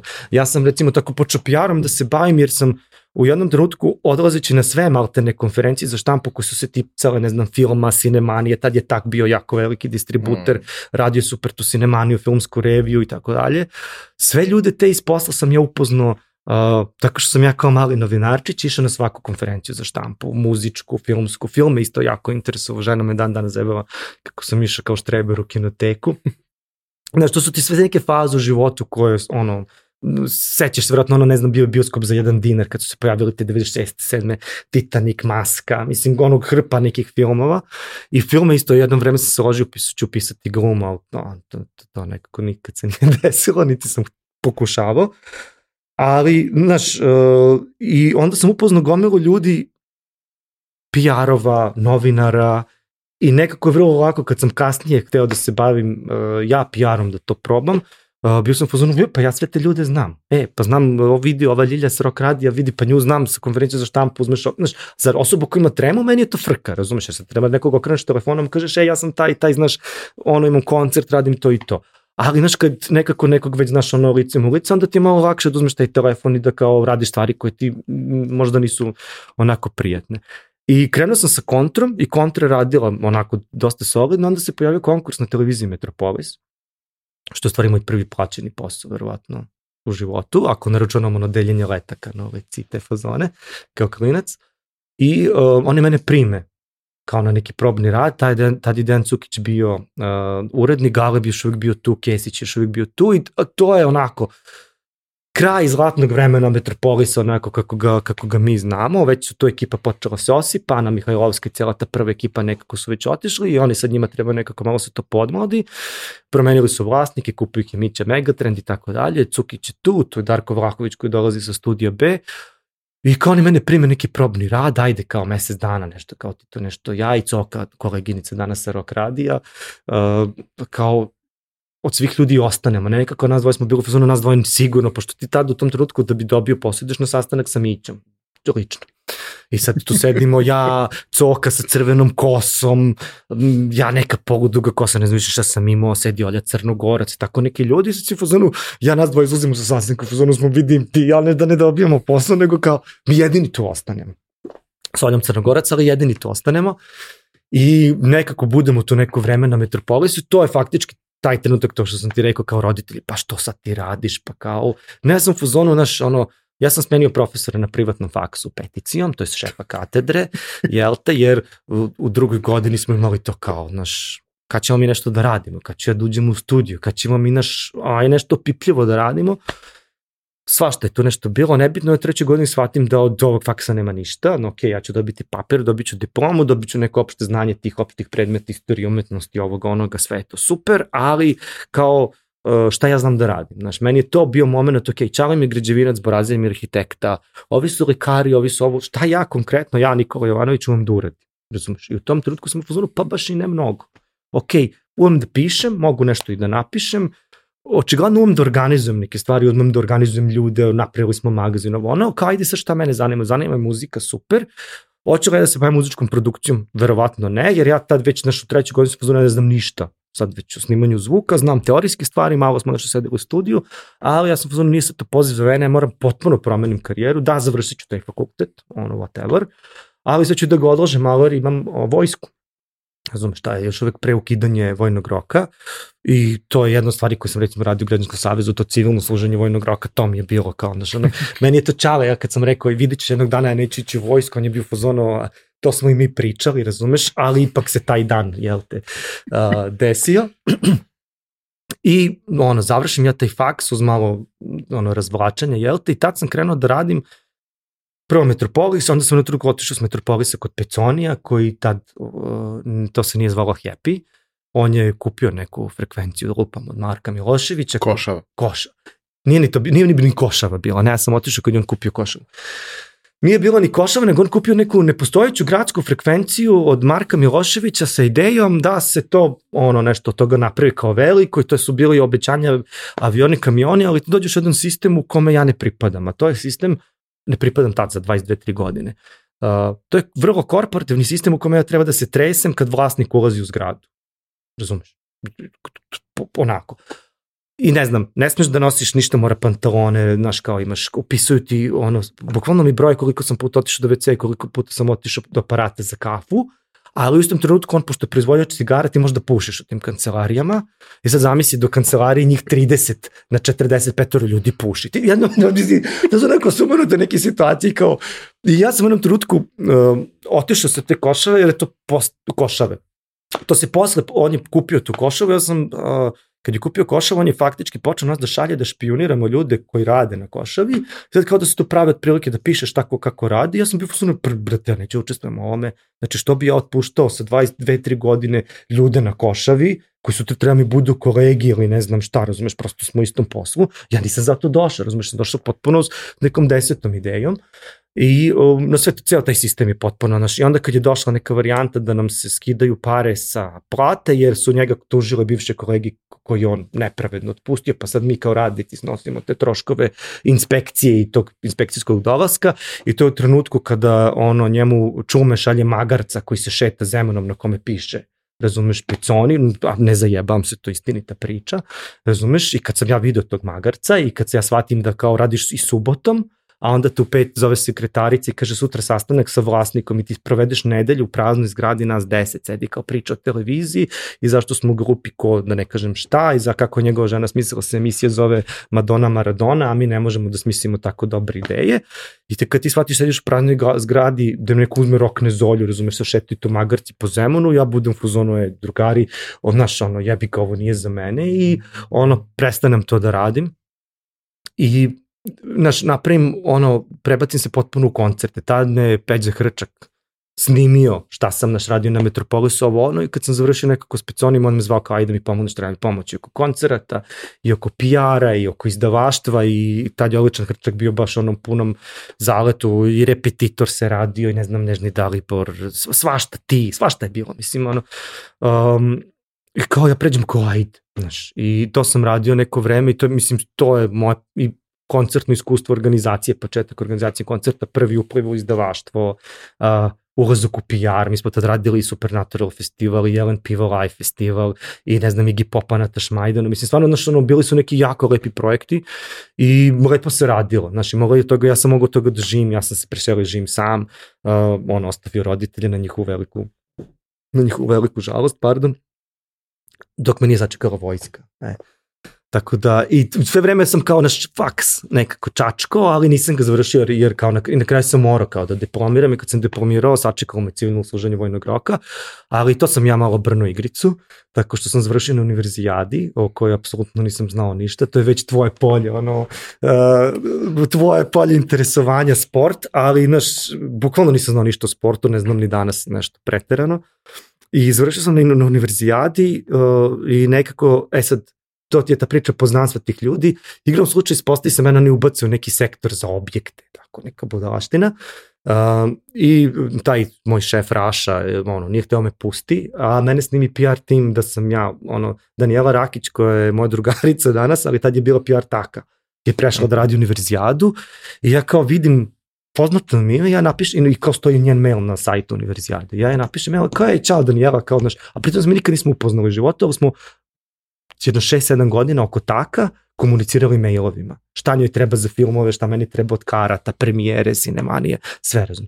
Ja pošaljem ženi mail kao, ej, čao Daniela, kao nisam siguran da si ti, ali čini mi se da si ti kao, znaš, evo, ja sam sad ovde, znaš, ono, na univerzijadi, pa kao, ako imaš vremena to, ajde se vidimo ovo, ono, ili ako mi treba nešto. I oni meni kao šta ne, nema da nam treba kao mora da dođeš u PR sektor, razumeš, kao ne možeš da truneš tu tim objektima, razumeš, nego kao daj dođi, kao treba nam čovek iza sajt, ja kao znao WordPress, znao ovo ono, a to je tad bio skill, kao znati, znati WordPress i internet, razumeš?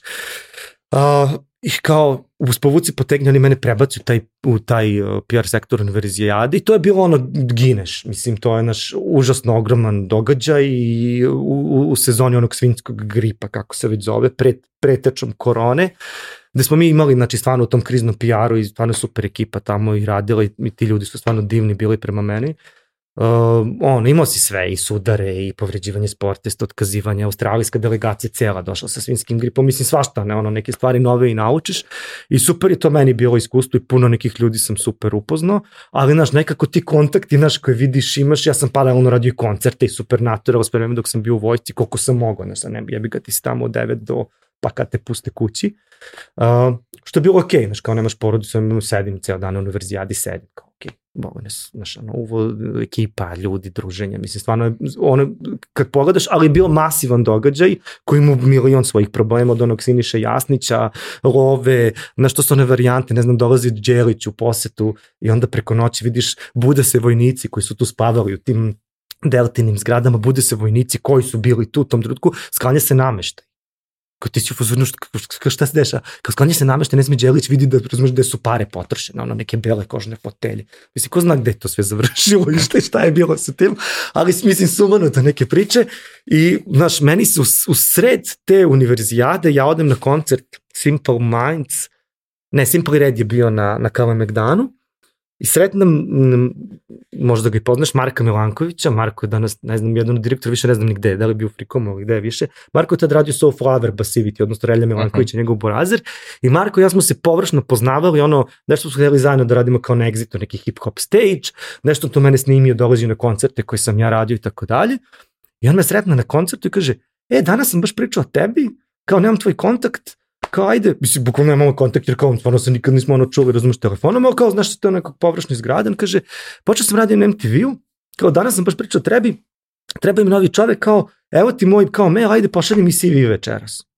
Kao hitno nam treba kao neko da bude novi muzički urednik, kao nova ekipa je došla, Ninoslav sa B92 tada prelazi tamo, ono će novog muzičkog urednika, ovaj lik mu se ne sviđa, sve to mora se menja ovo ono, ja pošaljem liku, pošaljem CV kao ovo ono, kao zvaćiti, sad nema, naš nema, onda sastanak kao, ali ja u vojsci, razumeš, ja sam u decembru u vojsci, znači kao cool što vama neko treba hitno, ali kao jebi ga. I sad završava se univerzijada, to nešto jul, avgust i kao držat će nas još neko vreme tu da završimo posao univerzijade, ali posle toga oni nas premeštaju sad, gomila ekipe dobila groblja, razumeš sad to već, bolnice i slično, jer kao ja bih ga završilo se univerzijade i sad nema više to. Ko je imao vezu, imao je biblioteku. Ko je imao vezu, e, razumeš, e jebi ga, ja nemam veze celog života, on, znaš, šta da radim.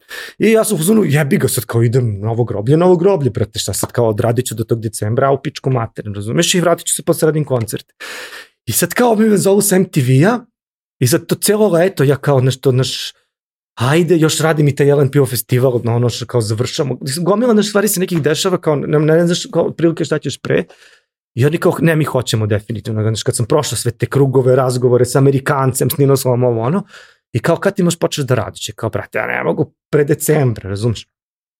Sreća, Nikola sad skupi muda, ode, razumiješ, univerzijadu i sad tamo, naš, odem kod ekipe, jer stvarno cela ta ekipa univerzijade je bila vrlo korektna prema meni, na kraju su mi čak i plaćali neke pare, ako sam bio vojnik, bili su u fazonu kao nema smisla da radiš ovoliko, nego su našli način kako uplate mom borazeru honorar koji je bio u stvari za mene, jer je bilo sramota, valjda da, znaš, kao, stvarno smo ginuli, razumiješ, jer to nije ono kao sediš od 9 do 5, brate, ja sam stava sedao do ponoći, do kad god je trebalo i šta god je trebalo da se radi. I ja kažem, vidi, kao, i ljudi, znaš, ono, nude mi posao na MTV-u, kao, jel ima šanse da vi mene probate da zadržite tu kao nešto u okviru, pošto su oni svi ostali da rade tu univerzijadu, lupam još ne znam koliko to trajalo, zatvaranje, znaš šta što tu nešto bilo. I oni kao, ma ne, super je to ponuda, kao, pa naravno, aj sad ćemo nešto da probamo ovo, ono, i faktički ja sam počeo nešto, tipa oktobar, novembar, da bukvalno radim na MTV-u i da sedim tamo u kancelariji i oni su plaćali mom burazeru honorar i oni su mene mogli da zaposle i onda tek kad sam završio vojsku u decembru, faktički on 1. decembra sam počeo kao da zvanično radim na na, na MTV-u kad sam uspio da to završim priču sa vojskom. Ali, znaš, kažem ti opet, to su sve neka poznanstva koje sam ja napravio dok sam ono, radio kontru kao neki mali magazinčić i, i ono, upoznao gomilu ljudi koji dan, dan, dan danas znam. Gomila kolega moj koji sam nam radila magazin je ona počela posle radi na B92 ovde onda upravo zahvaljujući tome što smo se mi kao neki klinci, studenti kao nešto iscimali i hteli nešto da Pa imali da su napravimo. referencu.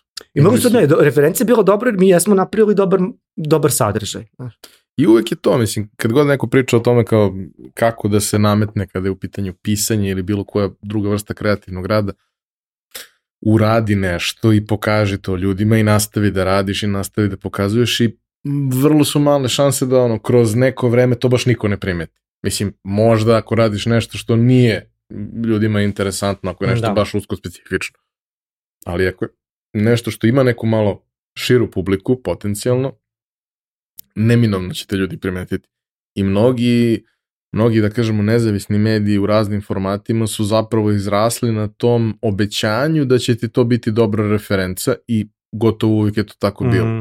Ti si se kroz sadržaj koji si pravio tamo prezentovao tržištu, pa te u nekom trenutku cherry pikovo neko Pa, da. ko, kome treba osoba koja je, koja je za tako nešto. E sad, um, MTV Adria je bila svojevrsni fenomen u tom trenutku i neverovatna Uh -huh. ekipa ljudi se tamo skupila ovaj, i radile su se neke prilično cool stvari, ali sama ideja da ono, malo pre nego što ćeš ti doći, postoji naš ono, regionalni MTV, ovaj, je bila fantastična, jer kao pre toga je moglo da se desi i o tome se pričalo kao o kultnim stvarima, da se neki naš bend ili neka naša pesma pojavi na nekom od stranih kanala, ali to je bilo incident. Uh -huh.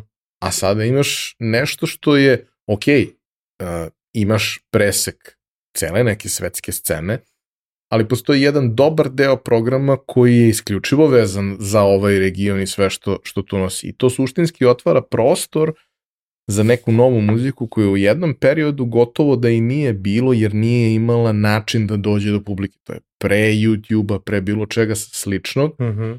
Tebi je jedini način da dođeš do publike bio radio i televizija, Uh -huh. a oni su bili prilično zatvoreni za, za, za takve stvari. Bilo je tu i tamo po nešto, ali generalno je to bilo prilično zatvoreno. A, po čemu ti pamtiš to, to svoje MTV iskustvo? Jo. po svačemu i dobrom i lošem. Um, pa vidi, uh, patim, pamtim ga i po burnoutu, moram da ti, da ti budem vrlo iskren. Ja sam skoro imao 100 kila dok sam, u jednom trenutku kad sam radio na MTV-u. To je jedan potpuno onako uh, manijački rad i, i uh, nezdrav život. Mislim, kombinacija jednog i drugog. Znaš, ja isto nisam gledao kad idem kući, nego sam gledao koliko posla treba se uradi, šta sve može da se uradi. Uh, MTV je po meni samo došao pogrešno vreme. Znaš, mi kasnimo 20 godina, 30 godina za tim MTV-em i to je bio njegov problem od samog starta. Jer uh, MTV je krenuo kao MTV Adria, tako, ono u Ljubljani, Uh, Ninoslav je tamo otišao, radio malo, Digo Sidro otišao, bio Luka Banda, ako se sećaš, mm. Luka Banda, danas u Red Bullu. Da, da. Um, Luka isto bio jedno vreme vidio da to nije za njega i otišao, tu su se nagomile razne neke loše stvari, dugovi i tako dalje i onda je ta ekipa koja je mene dovela, u stvari pojavio se neki američki biznismen koji uzeo licencu, doveo svoju ekipu, zvali Ninoslava da se vrati i tako dalje i bio u fazonu sad moramo ponovo da napravimo novu postavku i to se sve dešava pre početka svetske ekonomske krize 2008. godine i ti planovi koji su pravljeni i budžeti i sve što je, što je planirano da se radi, sa idejom da se to šili na portfolio kanala VH1-a, Nickelodeona i svega šta, sve nešto je u porudi Vajakoma kao te globalne grupacije koje drži MTV. To je bilo super, međutim niko nije očekivao da će krenuti kriza koja će iseći sve budžete, uključujući i marketinške i sve moguće budžete i da će to od trenutka kad se ja pojavim na tom MTV u 2009. Uh, u stvari da, da dosta bude mučenje. Znaš, meni je, ja, znaš, ono, uh, ja kad sam došao kući sa razgovora za posao, pita me Čale, kaže, pa dobro, koliko, koliko ti je plata? Ja kažem, ne znam. On kaže, pa kako ne znaš? Pa nisam pitao. Razumiješ, ja sam bio u zonu, ja hoću da idem da radim za MTV i to u tom trenutku meni to nije odlučujuća informacija. Znači da mi je neko rekao 13 maraka, ja bi otišao da radim za 13 maraka, razumeš? Znači nije kao, nije, nije, kako bih ti objasnio, znači to je stvar koju sam u fazonu, da, ja to hoću da vidim kako taj sistem izgleda iznutra, da, to je kao fucking MTV, kao, znaš, hoću da, hoću da budem deo toga. I svašta smo mi do, da radili smo neke super stvari, malo smo se pogubili u, u, u celom tom traženju, znaš, jer sad ti s jedne strane si imao taj pritisak MTV-a kao grupacije, znaš, tad, tad je MTV krenuo duboko u Jordi Shore, u Teen Mom, u Mm. 16 and Pregnant i gomilu nekih stvari, iako recimo ja sam gledao Six- 16 and Pregnant i mislim da je to vrlo jedna edukativna emisija za, za, za klince, da, da vide šta će se desiti, kako će da završe, ako rade šta rade, razumeš, ali s druge strane, znaš, ti si sad imao taj raskorak između reality programa i naše želje da imamo što više muzike, i imaš s druge strane uh, YouTube i početak digitalizacije u svetu iTunes koji mi u tom trenutku nemamo.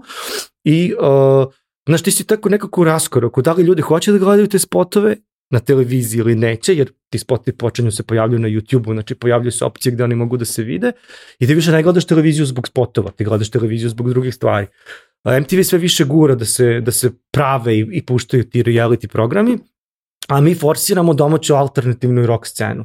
I mislim da je tu kolizija između toga da klinci koji su i gledali možda MTV zbog toga nisu hteli tu vrstu muzike. Možda su hteli neki IDJ ili neku Karleušu ili ne znam Ninu Badrić ili šta god, a mi smo bili vrlo tvrdi u stavu naš, da prosto mi kao ne, to ima na svim drugim kanalima, kod nas to neće biti. Mislim da smo mi tu izgubili dobar deo publike u tome što nismo popustili za da smo malo više otvorili, znaš, da, da je pop bio pop, pa da je to bio Georgijev, da je bilo ovo ono, i da, da smo to nekako otvarali, da alternativna scena opet ima neko svoje mesto, ali ne baš toliko i na taj način, i to su bili i sad i razgovori i svađe i ovo i ono, ko šta tu hoće, šta neće, šta može, šta ne može. Mislim da smo se mi tu nekako pogubili. Uh, ali mislim da u jednom trenutku je MTV dao jedan dobar vetar u leđa gomili, gomili izvođača iz celog regiona, ne samo iz Srbije.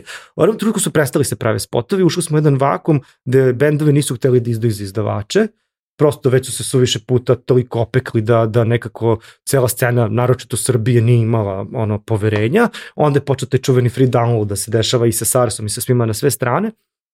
I onda su se nekako mi tu pojavili kao neke mecene, e, pa pravilo na emisiju Hitoramu, pa počeli radimo free download na sajtu, pa dali platformu sa promocijom kroz reklame, kroz servere, um, pa MTV premijera svake nedelje novi bend ili dva benda, znaš, pa onom trenutku nam nije bilo, kad smo počeli radimo tu MTV premijeru, to je bilo svakog ponedljika u 8, kao imali smo recimo dva put mesečno ili jedno mesečno sam ja imao problem da nađem spotove kao da stavim da taj spot ipak bude pristojan, razumeš? A onda u jednom trenutku smo mi radili dvostruke ili čak trostruke pre, premijere pred kraj moje, moje karijere, jer sam imao toliki broj zahteva sa novim spotovima od izdavača, da mi prosto nismo mogli da uklopimo da imamo samo četiri mesečno, nego smo morali da ih imamo više, a to je onda značilo i veću rotaciju kod nas na kanalu i mislim ljudi su se ložili na to i na tu MTV domaćicu koja je bila kao top liste. Mislim da je to dosta daš doprinovo da se ta scena pogura.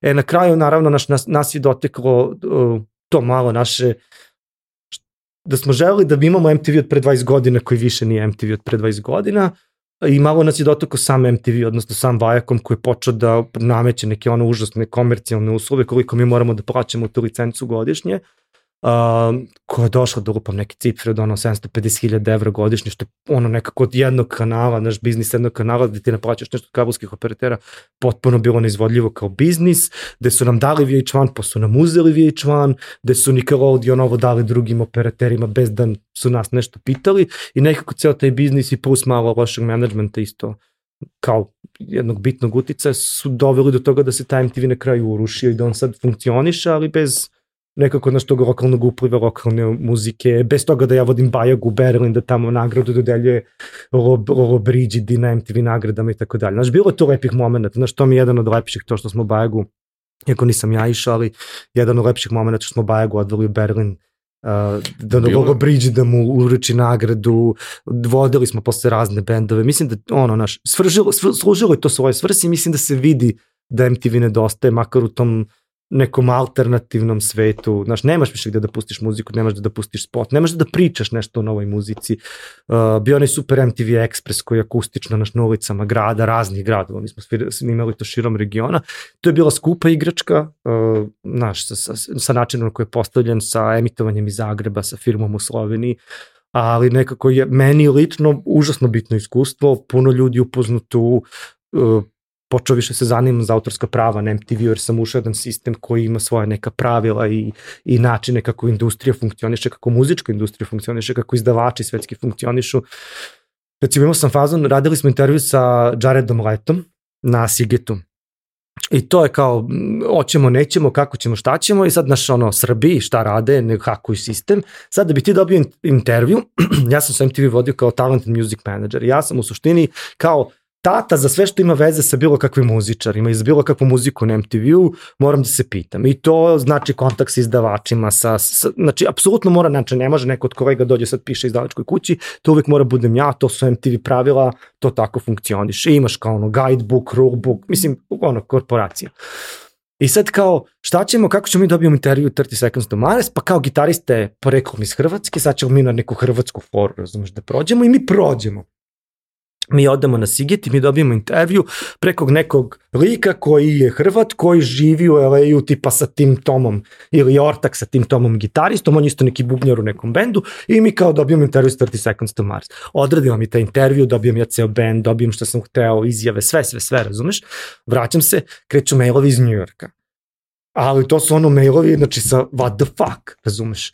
Ti si zaobišao izdavača, zaobišao si management, zaobišao si sve jer si ovdje Srbin kao dobio intervju preko nekog Hrvata, neke hrvatske veze I kao kreće sad peglanje, sad ja moram se, znaš ono tipa piše mi ono uh, vice president kao neki Bruce Gilmore koji je zadužen za sve MTV nagrade kao zašto šta radi MTV Adria, razumeš? I ti sad kao, izvinite, oprostite, pardon, nismo znali, znaš, nismo imali lošu nameru, samo smo hteli da uradimo intervju koji je u susednoj zemlji, jebi ga, razumeš, kao, nije svaki be, dan band tu, razumeš. Tako da to, znaš, to se učiš gomilu stvari šta smeš i, i šta ne smeš, ne smeš da držiš mikrofon dok pričaš, na primjer. Um, učiš gomilu stvari šta smeš, šta ne smeš. MTV još plus radio neke festivale, radio taj Treneo u Hrvatskoj, što meni isto bilo ono naporno, ali fenomenalno iskustvo.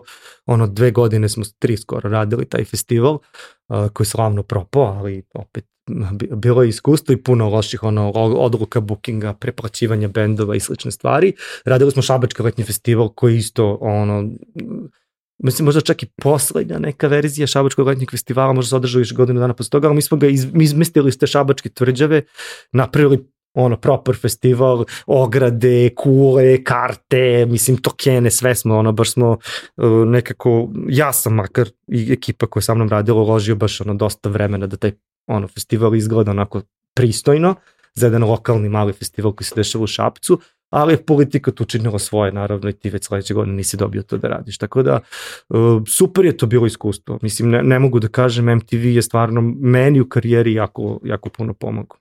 Ja mislim da je taj moment uh, zapravo ovaj, kada se dešava ta cela situacija da, ok, bendovi su počeli polako da svoju muziku dele mm -hmm. za mhm. free download, ali naravno to je još uvek neko vreme kad resursi za tako nešto su prilično ne mora da bude čak ni skupi, ali nedostupni ljudima, nisu oni sigurni kako to da rade, ljudi su muzičari, ne, ne znaju taj web deo i u tom trenutku kada to postaje nešto što se dešava na MTV Adria sajtu, mm -hmm. na MTV Adria uh, infrastrukturi, što znači da to radi, znači da zapravo možda dođeš i da skineš to.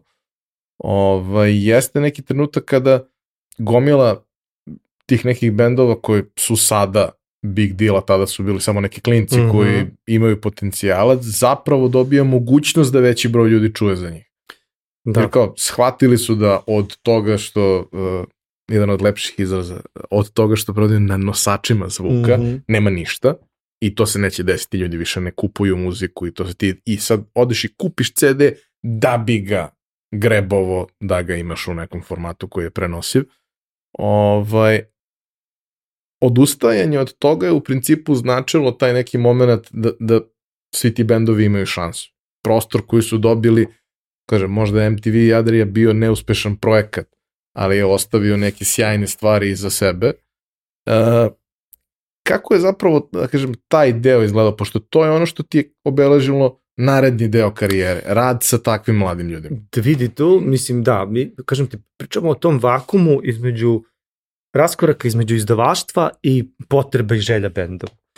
I mi smo tu nekako uleteli, možda malo kretenski, ali smo uleteli. Mi smo videli naš, recimo, i prvi download, ja mislim smo radili sa Sarsom. I to je žabac došao, bio fuzon, ajde da radimo nešto.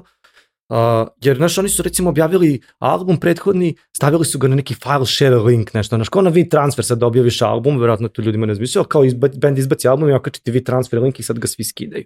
I mi smo hteli da to malo ipak upakujemo da izgleda lepše. Znaš, imali smo tu website infrastrukturu koju smo mogli da naši serveri izdrže i taj recimo SARS album je imao nešto 45.000 downloada u tom trenutku. Jer vidiš, ti sad imaš muzičare koji žele da učine svoj album dostupnim, ali nemaju način kako to da učine, jer iTunes kod nas ne radi. To je tek počinje da se dešava Spotify, tek počinje da se dešava Deezer, Deezer još uvijek nije u Srbiji. I mi krenimo sa tim free downloadom i to jeste ono, i Sarsu i mnogima značilo i svašta smo to radili. MVP, Baneta Valić i gomilo mm. i Hrvata i Slovenaca, više se ne nesećam koji sve bio na tom free downloadu, ali u trutku stvarno se to nakupilo. Znam i kad sam jednom kod Loke bio na, na nekom sastanku, on je pričao kako to sve što mi radimo besmisleno i kako to uriš, urušava izdavaštvo i tako dalje, što je verovatno možda i bilo tačno u tom trenutku, ali kako bih ti rekao, ono, mi smo iskoristili potrebu tih muzičara i dali im alat da tu nekako potrebu ostvari. Tad sam ja počeo se zanimati za izdavaštvo, u stvari u tom, ja sam ja sa Hrčkom radio, što on je štampo i diskovi neke stvari, ali znaš, sa ovom nekim malo preznanjem o pravima i kako se sad čiste prava za MTV, jer sam ja to sad sve morao da naučim, znaš, šta smemo od muzike, šta ne smemo, kako smemo, šta znači ova licenca, šta znači ona licenca, kad mi MTV pošalje spod, da li je za mene, nije za mene, kako, razumijem, znači, ono, vrlo je kompleksna jedna tema, pogotovo da je rad na televiziji, takvoj televiziji. I onda, naš, kao počeo sam se zanimam i stvari prelomni moment je onog trenutka kad uh, Telenor ubacuje Deezer na tržište. I to je trenutak kad ja kao sam pozvano čekaj, znači pojavlja se streaming servis, ajde prvo shvatimo šta znači streaming servis, znači sad ja sa neku vrstu pretplate ovo mogu da slušam neograničeno. Sad ja kao celo svetsko izdavaštvo imam u džepu, razumeš? I kao fazonu sam, znaš, ovo je sad prilično kao revolucionarni koncept, kajde malo zagrevamo šta se, šta se tu dešava. I to sad ti kažeš, znaš, dođeš u firmu i kažeš, ali čekajte, ajde sad mi da mi ove naše bendove koje smo stavili na free download, sad nema poenta da radimo više free download, ako će od toga bendovi nešto da zarađuju, jer kao, ok, poenta je, kupe žice, ne krade nešto s tim parama, nije bitno. I sad ti, ok, kako, kako ja sad stavljam muziku na streaming, razumeš, kao, nemam, nemam pojma. I sad kao ti šta da radiš? Aha, ko to radi? Telenor. Okrenem Telenor, oni kažu, pa mi to ne radimo, na što morate se javiti Dizeru. Kažem, ok, kao ko je Dizer? Kao, e, pa ima Toma Grujić radi na Dizeru. Toma Grujić, ok, tomu znam i sad svojih PR dana, razumeš, sa, sa radija i kako sam išao i navljivo koncerte i festivale i šta sam radio, okreneš Tomo i kažeš, e, Tomo, ti na Dizeru? Je, jesam. E, aj sad ti meni reci kako ja sad stavim moju muziku na Dizer. On kaže, a, pa mi se time ne bavimo, nego mora da se zoveš neko ko se zove agregator ti si u fazonu, ok, šta je sad pičko lepo materino agregator, razumiješ, sedneš i googlaš, aha, music aggregator. Kao nađeš jednog, drugog, trećeg, aha. I tako kreće u stvari upliv naše izdavaštvo. I onda sam ja to, ja sam godinama u stvari hteo pre toga da mi napravimo izdavačku kuću za MTV, I hteo sam godinama pre toga napravimo PR i koncertnu agenciju. Jer MTV ima kancelariju u Ljubljani, u Sloveniji, u, u Hrvatskoj, ima ljude u, u Bosni, u Makedoniji, znači u Crnoj Gori. Bukvalno smo imali svuda po jednu, makar jednu osobu koja nešto za nas radila i to su svi bili ljudi iz industrije koji su mogli da radi i PR i koncert i svašta nešto. I potpuno imalo smisla da ti to sve objediniš kroz neke koncerte. E sad nama tu nešto licenca nije dozvoljavala da mi radimo ovo ili ono i tako dalje. One nekako nisu za to imali sluha. Onda su Ninoslav i Dario, koji su moje kolegi bili sa MTV, rekli, pa mi da, kao, mi zaje, kao, ne, aj zajebi MTV, radit ćemo mi nešto solo i tako je nastao Lamshade, u stvari Lamshade Media, koji danas postoji kao izdavačka kuća i tu sam ja onda uvukao to Tomu Grujića, Ninoslav je uvukao Lazara Sakana, iako ja nisam bio a iskreno se da pričamo, uh, nisam bio srećan tim partnerstvom samog starta, jer sam već znao kako mi stvari funkcionišu i sa Ninoslavom i sa Derilom na MTV-u. Tomu sam ja više uvukao kao svoju neku vrstu sigurnosti, jer kao, ok, ajde da imam ja nekoga ko malo više zna od mene o tome. A Ninoslav je uvukao Lazaras i da je Lazar tad radio Jelan Pivo Live i ona i kako se zvala ta već emisija uh, na TV-u, da, tako se zvala, neki Jelan Top 10, da. Yes. I kao, e pa on će nam dovesti sve bendove. Mislim, nije nam Lazar doveo bendove, doveo je Nikola. Ja bi ga ali mi smo ušli tu priču izdavačke kuće i to je krenulo onako stidljivo. Prvo smo radili sve na pod, nam je bilo prvo izdanje. Uh, I, znaš, to je nekako onda, ajmo sad, ubedi SARS, žarimo, žabacimo tu užasan otpor prema svemu tome. Ja sam bio fononu, čekaj, ajde da vidimo, brate, niste rešili autorska prava, niste ovo prijavili fonogramska prava, ajde da dignemo sve to na servis, ajde da monetizujemo taj YouTube i mogu ti kažem da smo mi Sarsu ozbiljne pare za dve godine napravili. Mislim, u tom trenutku to, to je ono ozbiljna kinta u, u desetinama hiljada evra. Razumeš? Od nečega što je zarađivalo nulu na free download.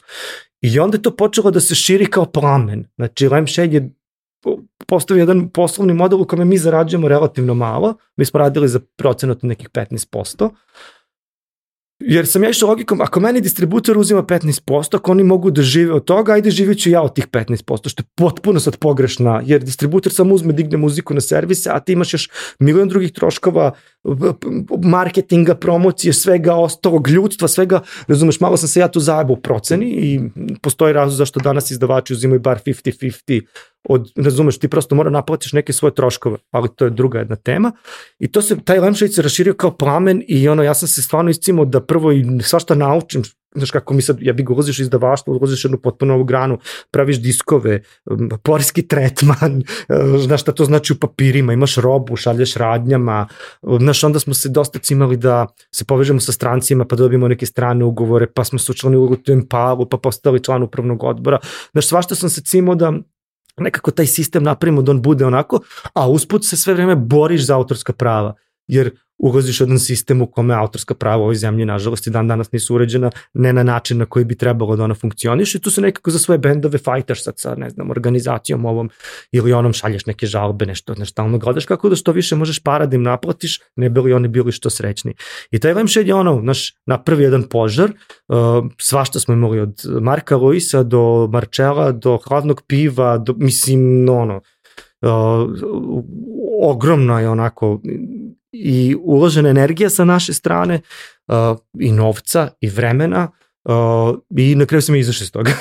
Vrlo onako um, loše ali sam izašao iz cele te priče jer je došlo do, ono, prosto, uh, odnosi su bivali sve gori, ja sam bivao sve nezadovoljniji činjenicom da se najviše cimam ili skoro sam pa cimam, a da neka podrška koju sam i očekivao od partnera u celom tom naš, ono, postupku, ona, sam ja smatrao da, da izostaje da se prosto ne cimamo svi jednako i da onda prosto ne možemo ni svi jednako da pričamo na, na sve strane. Prvo izašao Toma, onda sam ja imao sukup s Ninosovom koji se završio loše i ja sam prosto ono, otišao istog dana iz MTV-a i, i, iz Lampshade-a i kao, i, ono, trebalo mi je neko vreme da sam sebe, ono, kako kažu amerikanci, pick up and move on, razumeš se, podigneš sa zemlje. Jednaš kao to je, imaš kući ženu i dete, ostao si bez, uh, Lemshade mi nije pravio prihod, u tom smislu da niko od nas nije imao pare od Lemshade-a, ali smo mi kao gomilali pare na računu, ne bili te pare u nekom trenutku počeli mi da investiramo u bendove, u muziku, šta nešto, a MTV mi je bio posao. E ja sam istog dana ostao bez, bez toga.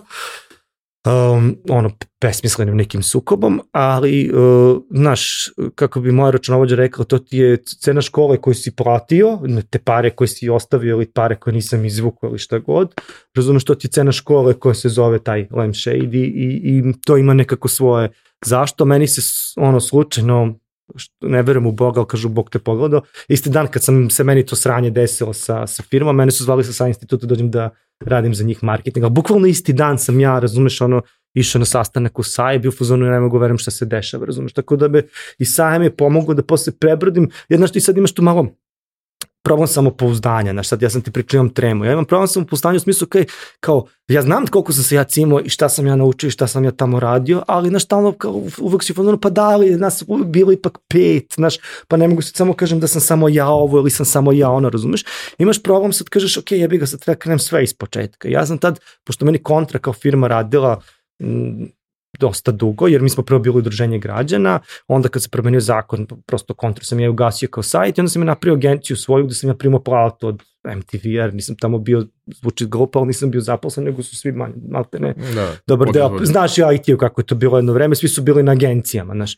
Sad, ok, to što sam ja svoju agenciju koristio dalje za druge poslove, to je druga priča, ali ono trutka kad sam ja ostao bez MTV, imao sam agenciju, bez sam fazonu, pa ne, ok, znači, ok, ja hoću se bavim izdavaštvom, hoću se bavim autorskim pravima i hoću da nastavim dalje, razumeš? I ono, kad sam uspeo da rešim svoje ono, pravne probleme sa Lampshade-om, jer je tu bilo nekih pretnji, će se meni ono, zabraniti nastaviti da se bavim delatnošću ne znam koliko godine i tako dalje, što je dosta besmisleno, ali kao bila, bila realna pretnja kad smo mi uspeli to sa advokatima da završim, sam se vratio iz davaštva i bio fuzon, ok, radim na SAE, ali ajde sad ja ću ponovo da krenem jer mene ovo zanima i opet sam opet, drugi Milanković mi u tom trenutku uskače da vodi mi recimo Mili ovog miligrama kao klijenta, u, upozna me sa Rastom, uh, kome ja preuzimam da radim deo autorskih prava i znaš, ja ono step by step uh, preuzimam deo pančevačke scene, koji je ostao nekako sa mnom, znaš, ono, tu su Bučkesi pre svega i Ljubičice i Ivice i tako neki ljudi, da tebi dovoljno da krene malo samopouzdanje da ti raste i da budeš u ok,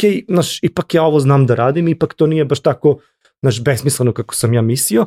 I onako, korak po korak i krećem da ulazim u tu priču I nastavljam sa tom izdavačkom kućom, ja sam je guro paralelno i otišao sam sa Saje više se ne sjećam nikada, posle nekih godinu, godinu i po dana, možda skoro dve godine, gde sam radio kao direktor marketinga, ali paralelno i predavao klinicima, jer sam ja dosta dugo kao gostujući predavač na SAI institutu i kad me zovu ja održim predavanje koje se tiču music biznisa i, i tako nekih stvari, ovo što manje više mi danas pričamo i nekako im pričam i svoje životno iskustvo u smislu kako promena karijera, čak i radikalna promena karijera nije nužno loša, znaš, jer ja sve ovo što sam radio ovde uh, je u stvari da nađem svoje mesto u poslu. Znaš, htio sam da probam različite stvari u okviru muzike da bi shvatio šta mene loži, a šta mene loži. Znaš, recimo, ne loži me da radim u agenciji. To sam shvatio kad sam radio sa agencijama. Ne loži me da radim PR u agenciji, ne loži me da radim u marketičkoj agenciji. I prosto sam znao da me taj deo posla apsolutno ne zanima.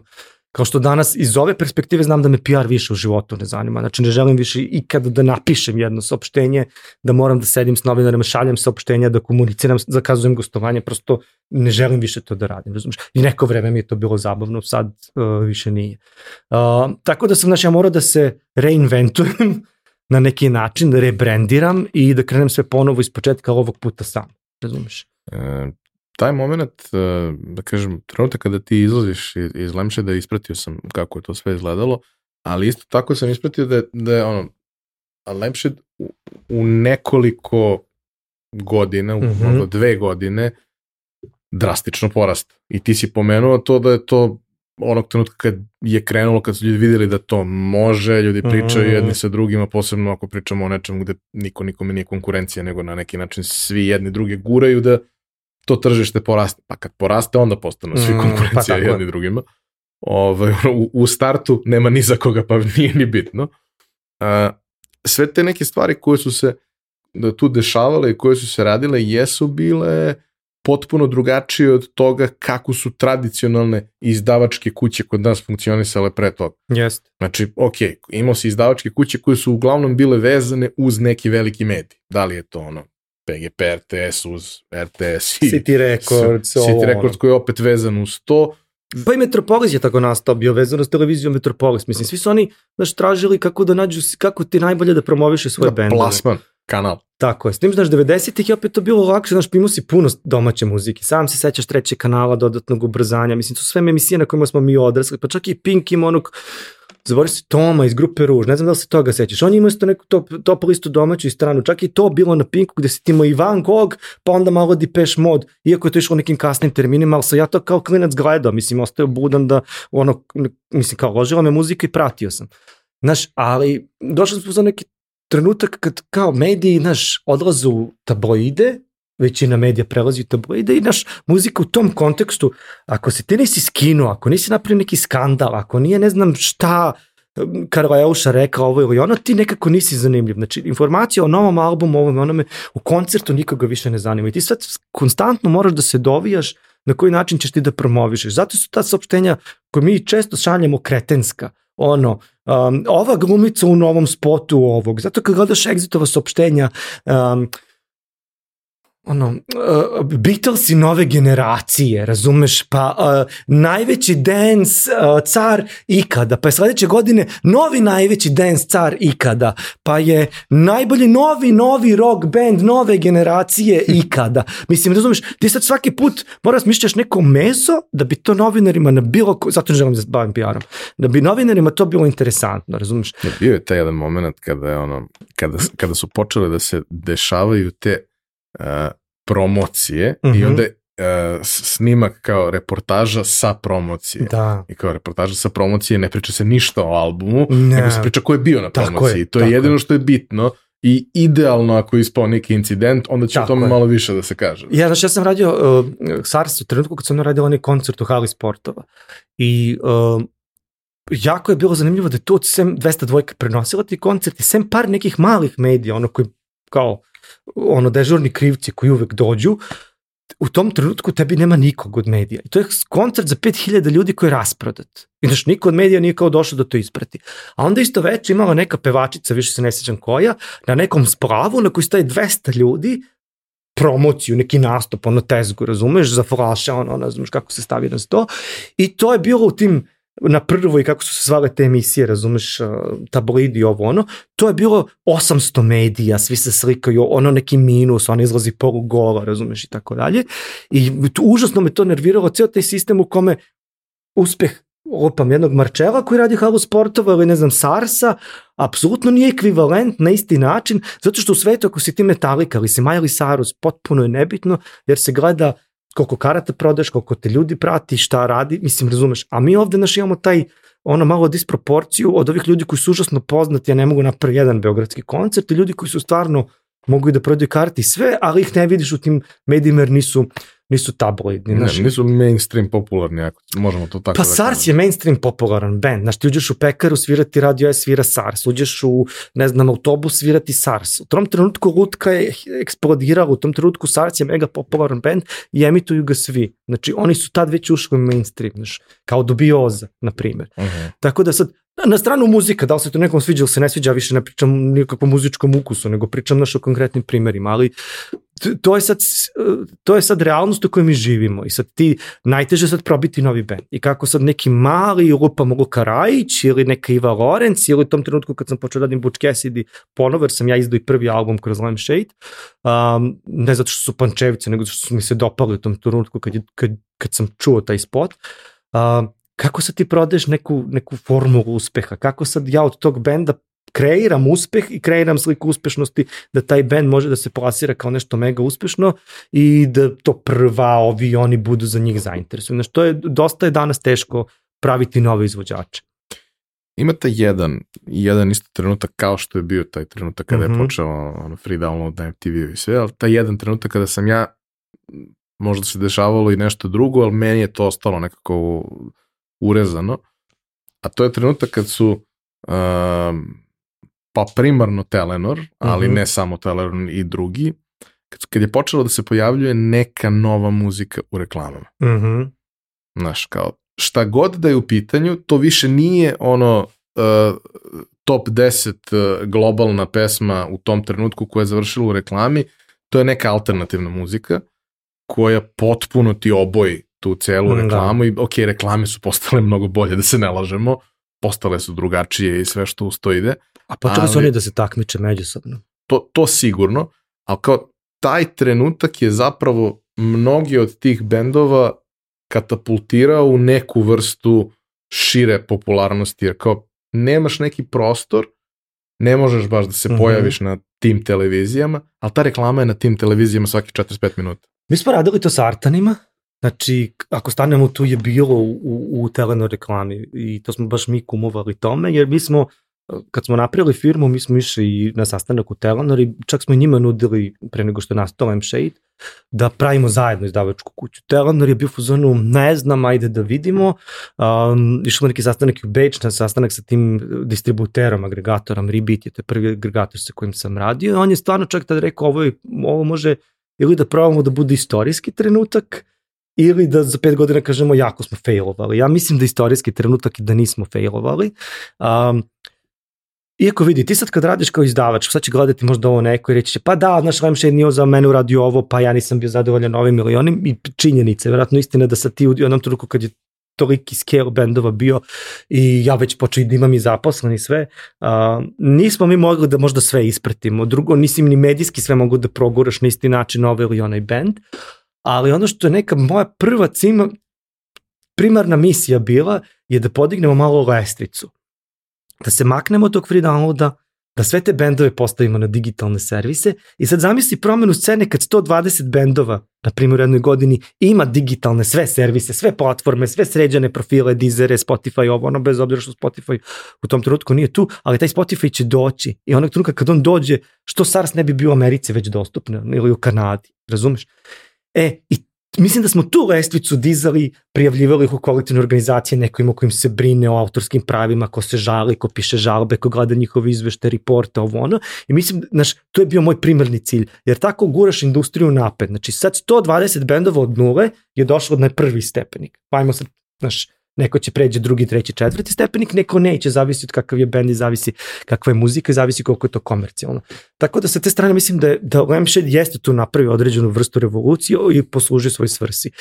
mi smo hteli sa Telenorom razne stvari, na kraju se to svodilo na neko kao prećutno partnerstvo, potpisali smo neki ugovor da mi o saradnji, da mi ćemo njima davati, um, tad smo mi njima davali fotografije besplatno, recimo prođeš kad Bihavom pa imaš husi preko, ono, preko cele radnje, imaš telefon, a onda husi i sad kao stoji dizer.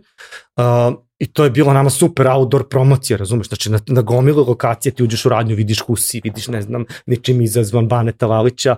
Onda smo počeli to dostavljamo u reklame kao sličice, znaš, oni kao listaju to i onda se pojave albumi koje kao ti listaš. To isto, mislim da za bendove je bila značajna promocija, jer Telenor nije mali oglašivač, da se ne lažemo, pogotovo što tad bila i svetska prvenstva u futbolu, seče reklama, svašta je tu bilo. I onda se pojavila potreba, muziku nismo mogli da dajemo besplatno, jednostavno to nekako ima svoju cenu. I prvo smo prodali uh, Telenoru, nisu to bile ogromni honorari, ali su bili honorari i, uh, i da Prester je sa, uh, bila sa, uh, sa sa pesmom. I onda ju leto Artan Lili jednom, sa ako stanemo tu, pa i onda posle leto još jednom ima ono kad njima stane neki bus nešto.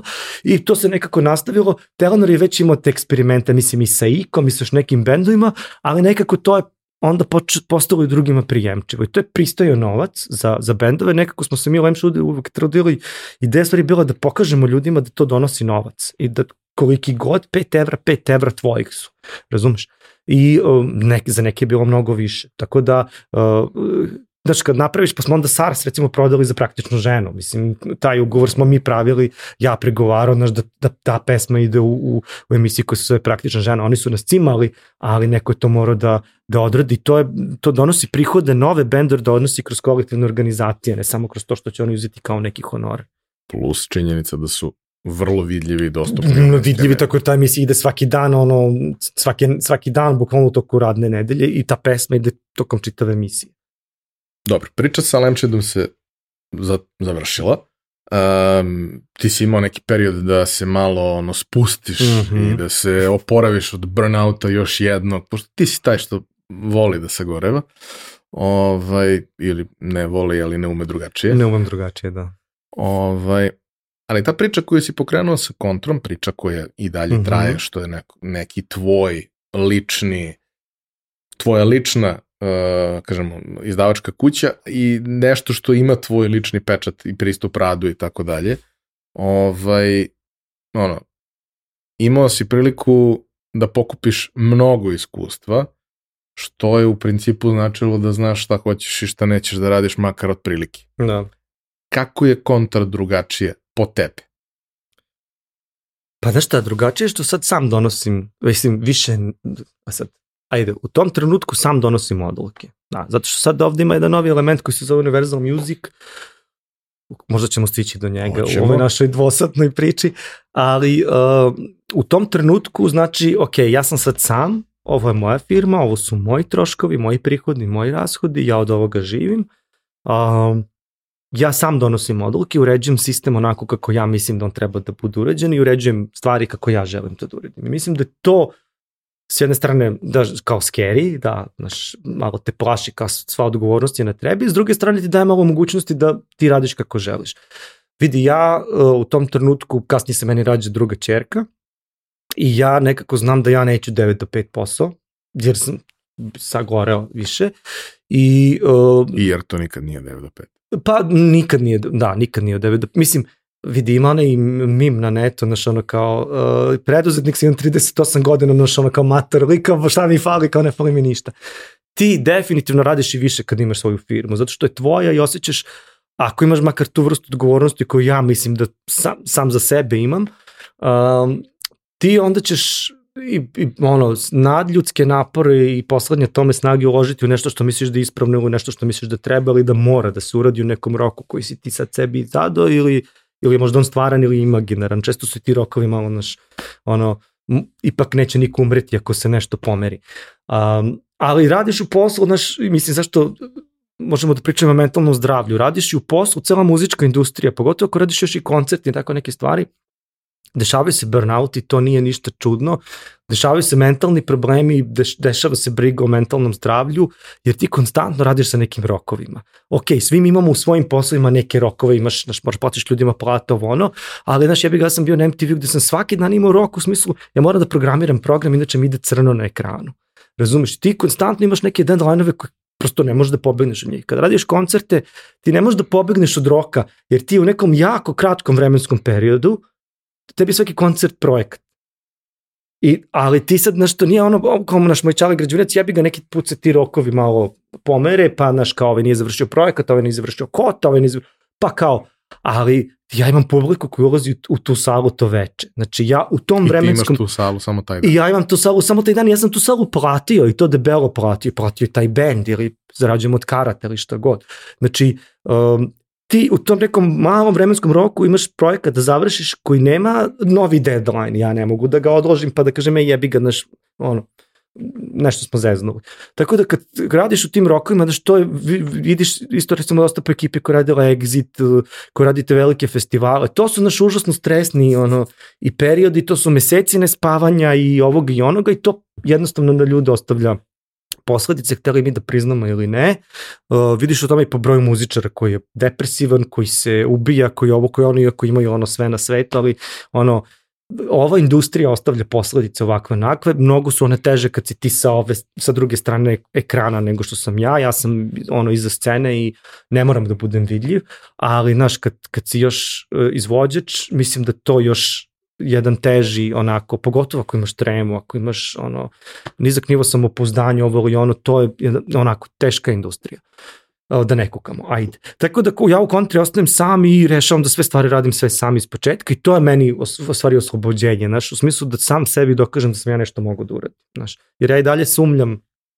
šta ja tu znam, šta ja tu mogu i da li ja mogu toga da živim, ali sam bio u fazonu, ok, uh, ajde da probamo nekih par meseci. Ono što je meni bilo bitno jeste da u tom trenutku više provodim vremena sa decom i sa porodicom i da ne ponavljam stvari koje sam radio na MTV-u, da sam znaš, ono, radio, radio, radio. Uh, ono, ja jesam prisutan otac, ali mislim da sam mogu da budem i prisutniji. I s drugim detetom sam jednostavno imao to vreme da ako hoću da šetam u 9 utra, da uspavam u kolicima, ja ću to da radim. Da ako ih u 3 vodim u park, u 3 ih vodim u park to neminovno znači da ćeš ti shiftovati obaveze dane, nećeš moći možda svaki dan, ali sam imao mnogo više vremena to da idem, se otkrijem sport u 35. godini pa da ono kao krenem da vežbam i dalo mi je te neke nove zamajce, razumeš, koji su mi mislim bili bitni pre svega za mentalno zdravlje i za moju neku porodičnu priču, iako naš, možda sam ja nek, na neki način i žrtvovao deo karijere tih 4-5 godina u smislu da što mene nema u gradu, ne sedim, tračarem, ispijam kafe, viđam se sa svima i tako dalje, ne idem na svaki koncert kako sam išao ranije. Znaš, jer ne znam sam se povukao, sam bio fuzon, ovo je moj posao, ovo ću da radim, ali isto tako mi je u ovom trutku jako bitna porodica. Razumeš? Tako da sam u tom smislu mogu da nosim samo odluke da svoje vreme pakujem, a da to ništa ne trpi. Posao na kraju dana naš uh, nije trpeo, čak mislim da sam ona, ovih zadnjih pet godina nekako uspešniji u svemu što sam radio nego što sam bio u, u prethodnom nekom periodu. Ma, meni se čini da si fokusirani, što je jako važno. Drugo, da se ne rasipaš toliko na previše različitih ljudi, strana, bendova, da. izvođača, strana i tako dalje, jer jednostavno koliko god bio dobro organizovan, postoji trenutak kada jednostavno više ne možeš i onda moraš da praviš neke prioritete. Kad praviš prioritete, mnogi budu nezadovoljni, često s pravom, Tako je. ali jednostavno kao ne možeš da stigneš sve. Sada radiš na nekoj manjoj skali, fokusiranije, kontrolisanije sve to i to ima neki super rezultati. Znaš šta, meni je dugo trebalo shvatiti da je multitasking sranje. Znaš, jer, mislim, svi poslodavci ti uvek insistiraju na nekom multitaskingu. Znaš, znaš i samo oglase za posao, sposobnost multitaskinga, rada pod pritiskom, ovo ono. E sad, znači ja sam sve vreme multitaskovao na 500 stvari i mislim vrlo često bio i nezadovoljan time jer znaš multitasking je super, ali ti imaš dane recimo imam ih i sada, ali sad sam fokusiraniji pa i drugačije planiram dane, ali imaš onu varijantu da otvoriš 10 stvari, a ne zatvoriš ni jednu to je znači potpuno rad bez prioriteta, razumeš? I uh, ja lično ne umem da kažem ne, i vrlo često ne umem da kažem ne ljudima i onda hoću, hoću, sve hoću, a hoću i da pomognem svima, razumeš? I to me vrlo često košta da se uvaljujem u neke stvari koje mi nisu prioritet u tom trenutku, pa da prioritet neki trpi. Ili mu valju to da ja onda postajem anksiozan da ovo da ono, jer kao prosto naš, ograničeno imaš vreme, a ne, ne možeš da postigneš sve, ali sam naučio da je naš i okej okay, da neki put kažeš, e, ljudi, sorry, ja sad ovo ipak nažalost stvarno ne mogu da stignem. Tu mi je, mislim, vrlo otvorena terapija, ono sa psihoterapeutom dosta pomogla, uh, iako mene žena dosta zeza kao ideš na terapiju da bi pričao poslu, ali znaš, meni jeste deo stre, izvor stresa posao, razumeš, ja ne mogu da se izuzmem iz toga da, da ti posao stvara, stvara određene situacije, konflikte situacije, ovo ono, u kojima ti moraš da naučiš kako da prvo kendlaš tu situaciju, a s druge strane kako da sebe, ako je neko nerčik kao što sam ja, mislim vidiš i kako pričam i gestikuliram i sve, on uključen na struju, ako ti je takav temperament, ti onda mora da, da nađeš način kako da određene situacije ili ne shvataš lično ili da, da ih možeš da ih procesiraš, da kažeš aha ne, ok, ovaj se ne ljuti u redu, ali to je urađeno zbog toga i toga ja apsolutno verujem da sam to uradio ispravno i da sam po tom pitanju pravu, bez obzira što mi ortak može da se ljuti do ujutro, razumeš? I sad, možemo da ne pričamo, možemo ovo, možemo ono, ali kao, znaš, mora da naučiš kako da, da iskendlaš. Mora da naučiš kako da iskendlaš milion situacija s exitom, s festivalima, sa promoterima, sa raznim domovima omladine kulture, ovim onim, razumeš, raznim ljudi imaju razne zahteve, moji bendovi imaju razne zahteve, mora da naučiš kako njih da hendluješ I onda to je sve jedan izvor stresa u, u, u celo ovoj priči. I onda sam ja shvatio da ne mogu da multitaskujem, da ne mogu radim 16 poslova, nego da moram da pravim prioritete. E sad, znaš, to je meni malo kasno to, to slaganje stvari mi je malo kasno došlo u životu, ali mi je mnogo lakše kad shvatam da uh, imam dan pred sobom, da mogu da ga isplaniram i da imam apsolutni prioritet šta moram da uradim i da imam stvari koje ću možda stići, imam ne, stvari koje neću stići i stvari koje bi možda trebalo da uradim ako za njih budem imao vremena. Ja imam te momente, ali pošto ono, ceo moj život funkcioniše na, ono, na to-do listama i kalendarima, jer u suprotnom bi se sve raspalo vrlo brzo. Ovaj, I sad on kao, imam uvek to-do i uvek ja znam manje više bez greške šta su mi stvarni prioriteti i uvek imam planiranje koje je takvo da imam sasvim dovoljno vremena i sigurno ću raditi ranije od deadline-a za slučaj da to nije dobro, da mogu da ga ispravim i tako dalje, da ne dođem u situaciju da veče pred moram da razmišljam. Mm. To će da se desi jednom u 100 slučajeva, ali ajde da se desi jednom u 100, a ne 20 od 100. I sad ima tih situacija gde kao, ono, ceo dan sastanci. Nema ništa gore od toga. Ima. Gore od toga da si ceo dan na Zoomu ili na telefonu. To je, to je jedino gore. I kao kad se to završi, sednem, sednem i krenem da radim i otvorim svoju to-do i e, krećemo lagano i krećemo neke gluposti kao, a što ne rešiš prvo ove neke ključne stvari? Moram da se zagrejem na nečem što da. je banalno. Kako to zove? Jednostavno, ne mogu da idem svom snagom dok nisam u zoni, dok nisam fokusiran i to sve. Daj mi prvo nešto što je ono fizikalija koju ću da odradim, to ću da radim 15-20 minuta, pola sata, da završim, skinem par stvari sa checkliste i to je super. To je okej, okay, da. Ja kažem, dobro, šta je najvažnije što treba se uradi? Dum, dum, dum, dum, dum. Ok, dosta, ovo ćemo dalje sutra i to sve kao, znaš, moram da krenem od nečega što nije pitanje života da. ili smrti, jer kao Da, to su, mislim, pravljanje prioriteta, ne znam, znaš, ja imam, uh, imam isto to, imam dane kad imam samo sastanke, znaš, i to je kad se zaređe 4, 5 ili 6 sastanaka, kad meni nije do priče ni sa kim posle celo dana. Odeš kući, isplačeš se. I, pa da, ne, ne, ne, ne, ima i toga, ali ne, znaš, ne mogu da odem kući, isplačem se, odem kući, im uzme decu, idemo u park, pa onda nastavim u parku, pričam sa decom i sa mamama, razumeš, tamo u fazonu sam hoću samo da ćutim, da gledam u jednu tačku i da me niko ne dira ništa. Ali kao, to je život i to, što kaže konstrakta, sama sam birala igrala i tako je, to je okej. Okay. Ali ne, mislim, zato što se recimo naš, eto, kažem ti opet, opet spominjem ženu, moja žena me zebela, fazonu je, jebi ga, ali naši sastanci su deo posla, ne znači da nisi danas ništa radio, ali ja, naš, ja sam u fazonu, ja danas ništa nisam radio, ja sam danas samo sastančio, zato što za mene rad nije samo, ok, pričamo nešto, rad mi je konkretno da nešto završimo jer kao ima posla koji ti realno moraš da uradiš, da li si nekom odgovorio, da li su ugovori, da li je, znaš, gomila nekih stvari koje, ono, pogotovo sad i ovo što radim s univerzalom je ono dosta i obimno i zahtevno i, i ima rokove. Znaš, a sad ako ti hoćeš da ti se pesma pojavi na, na muzičkim servisima, to treba da se dostavi u nekom roku, pa da se to napravi setup, pa da se pusti i tako dalje. Tako da nekako sam skapirao stvari da, da najbolje funkcionišem kad imam prioritet. Znaš, i da ono, pravim sve te check liste, prebacujem sa strane na stranu, ne bi li ono pokušao da budem nekako organizovan i sve ostalo kad krenem radim stihijski, ono, da, to što ti kažeš potpuno odem na desetu stranu da radim gluposti. Kaži mi, uh, šta sve radi kontra? Pa uh, vidi, kontra se bavi izdavaštvom, kontra se bavi autorskim pravima, kontra se bavi menadžmentom, uh, bendova, Uh, kontra se bavi zakazivanjem koncerata, odnosno bukiranjem, to se tako popularno zove, i kontra se bavi uh, um, čime još? Pa time svime, eto, organizacijom koncerta, da. Uh, Digitalnom distribucijom. Pa dig, da, to, je, to, je, to nam je sve pod izdavaštvom. S tim što sam ja sad, uh, kako sam od januara ove godine prešao Universal, napravio taj otklon od kontre da ja više nisam upravljač, ja sam vlasnik te firme, uh, sreću sam imao da sam doveo neke dobre ljude koji, koji mogu da me prate i u ovom mom kreativnom ono, um, haosu i koji su spremni da uče, jer mislim ovo nije sad nikakva atomska fizika, ali prosto mora da bude ljudi koji imaju nekak, nekog interesovanja za sve ovo.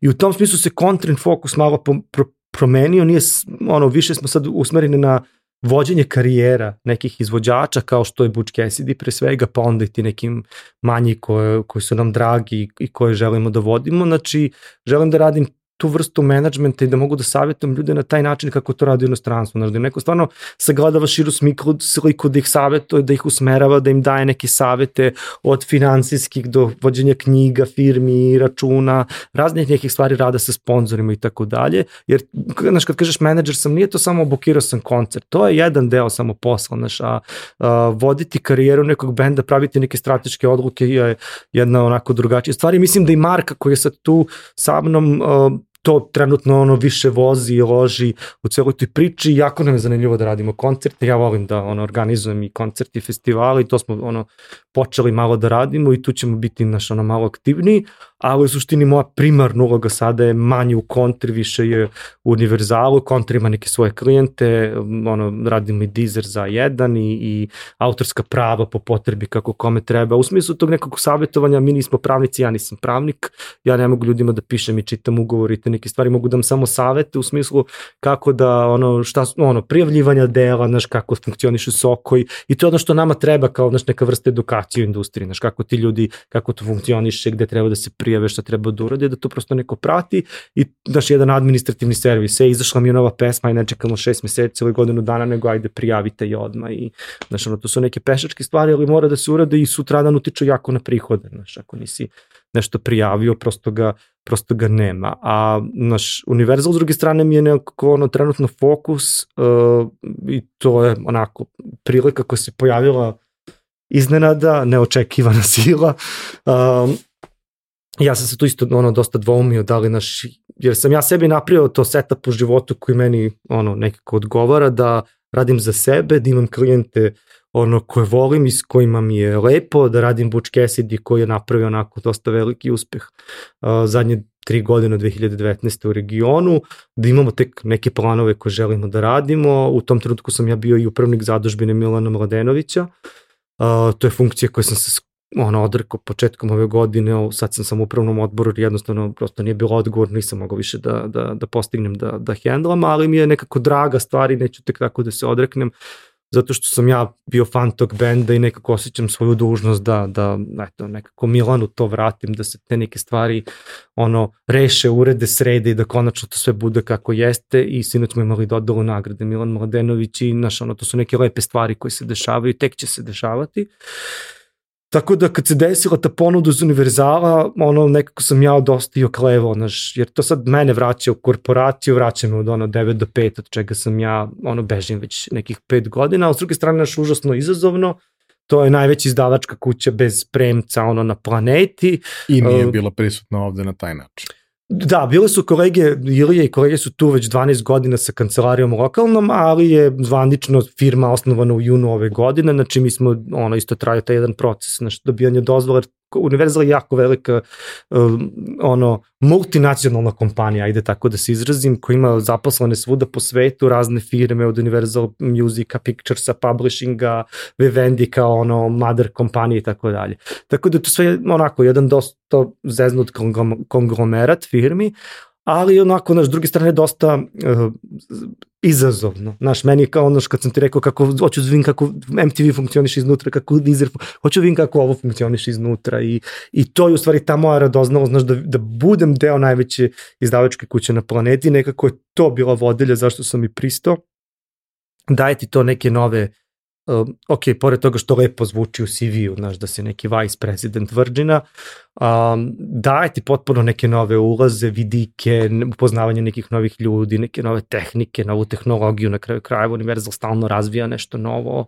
Um, mislim, celo tržište vidiš kako se menja i TikTok i algoritmi Facebooka, Instagrama, ovo ono, postoje sve zanimljivi za digitalnu distribuciju. Mislim, mi zarađujemo i od TikToka sada. Kao muzička kompanija, ako to nije muzička platforma. Znači, svaki put kad neko kače neke pesme iz našeg kataloga, to prosto i autori i, i, i izdavačka kuća zarađuje.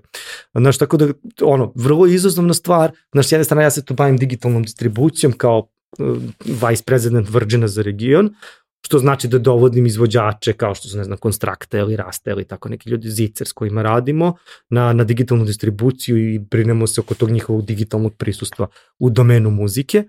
A sa druge strane, moja funkcija je da sam uh, zadužen za kolektivne organizacije. Kolektivne organizacije su sve ove organizacije koje se bave autorskim pravima, da ljudi prosto malo terminologija je stručna, uh, Soko i OFPS, Soko je najpoznatiji tu, ali za ceo region. Tako da i to sa, sa druge strane izazovno, jer su onako tu vrlo otvorene teme i naše pitanje, naročito u Srbiji, pristupanje Evropskoj uniji, slična situacija u Bosni, u Hrvatskoj i Sloveniji malo bolje. Uh, znaš, tako da to su neke stvari koje ja volim da radim i koje, znaš, ono, znaš, nekome je teško sad ne napiše žalbu na 28 strana, meni nije, znaš, tako da to je nekako, znaš, ono što želim da radim, a znam da ga radim iz ispravnih pobuda i znam da ga radim ne radi ličnog interesa svog ili ličnog interesa kompanije koji, ok, postoje, jer mislim svi su ovom poslu radi zarađivanja novca i svi na kraju dana prijavamo neku platu, ali radimo to radi menjanja kompletnog jednog sistema koji postoji u regionu i, i načina na koji se radi, naročito je taj deo oko autorskih prava i nekako mi je to uzbudljivo i mislim da će tek neke promene morati tu da nastanu. Uh, imam par pitanja Ajde. Uh, kroz koje bih volao da prođemo svaka od njih nosi sa sobom neku priču. Uh -huh. Prva priča, pošto si se dotakao njih, a mislim da su zaista jedan neverovatan fenomen je, uh, ajde nama starijima koji baš to ne pratimo dovoljno ne razumemo, objasni fenomen Bučkest. Uf, ovo ti je teže od onoga što sam htio da budem kad porastem. uh, pa vidi, um, ja sam Butch Cassidy potpisao za prvi album još u, u Lampshade-u, tad mi je Bane, naš drugar iz Centra za kulturu Pančeva, koji inače, ono, ja mislim lično bitna figura u pančevačkoj sceni, kulturnoj. Uh, posle rekao, vidi ove klince imaju spot, traže izdavač. Ja sad uzmem to pustim i to je bio njihov prvi singl i meni se to jako dopadne. Ja sam bih uzmano, meni ovo super. Toma Grujić je posle isto odlepio na band i jako mu se dopada prvi album. I nekako smo mi videli, pot, mislim, videli potencijal u tome. Nekako to mi je bilo sve slatko, zanimljivo ono. Drugi album je već bio kad sam ja izašao iz Shade, ja sam se s momcima rekao, je desilo se to i to. Oni su rekao, ma ne, mi radimo s tobom, volim nas dupe, idemo dalje, ne, ne zanima nas Shade. I nekako taj naš odnos je počeo da se razvija iz tog izdavačkog odnosa u jednom trenutku gde sam, znaš, nekako je bilo logično da ću ja preuzeti management zbog stvari koje sam ja počeo da radim za band, jer mi je, ono, kad sam čuo prvi put Nema ljubavi u klubu, bio sam pozvano, ok, imamo hit, ovo je definitivno hit. I počeo radim stvari koje prevazilazi to što radi jedna izdavačka kuća, nego sam bio pozvano, naš, hoće napravimo dobar proizvod i dobar projekat, ali s druge strane momci su vrlo dobro znali šta žele i vrlo su imali nekako jasan koncept i kako to treba da izgleda i kako to treba da zvuči i šta ne žele u ostalom, što isto mislim da je jako bitno, to si sam rekao, znaš, jako je bitno da znaš šta ne želiš, pa ćeš onda možda saznati šta želiš i šta možeš, ali odmah isključiš one stvari koje ti smetaju i to je neki put, mislim da je kod njih to isto bilo uh, vrlo plodno u, u kontekstu i pisanja muzike i kreiranja i svega. I tu se desio neki klik sa publikom, ok, mi smo dosta radili na, na, na tome i da stvaramo jednu sliku uspešnosti i da prodamo taj dom omladine, pa su se prodala dva doma omladine, pa Zagreb rasprodat, pa rasprodat Kragovac i tu je znaš počelo da se stvara, onda ti stvarno nekako osetiš taj, razumeš, baz koji se dešava među publikom. Ako me pitaš za ključ, ja bi pre svega rekao, nebitno šta smo sve radili i tako dalje, rekao bi da su to pesme koje su u nekom pop rock maniru, ali koji su tekstovno uspele da a, se približe novoj generaciji. I mislim da je to ključ da oni mogu da pričaju i iz perspektive ostavljene devojke i iz perspektive a, tipa koji muva ribe.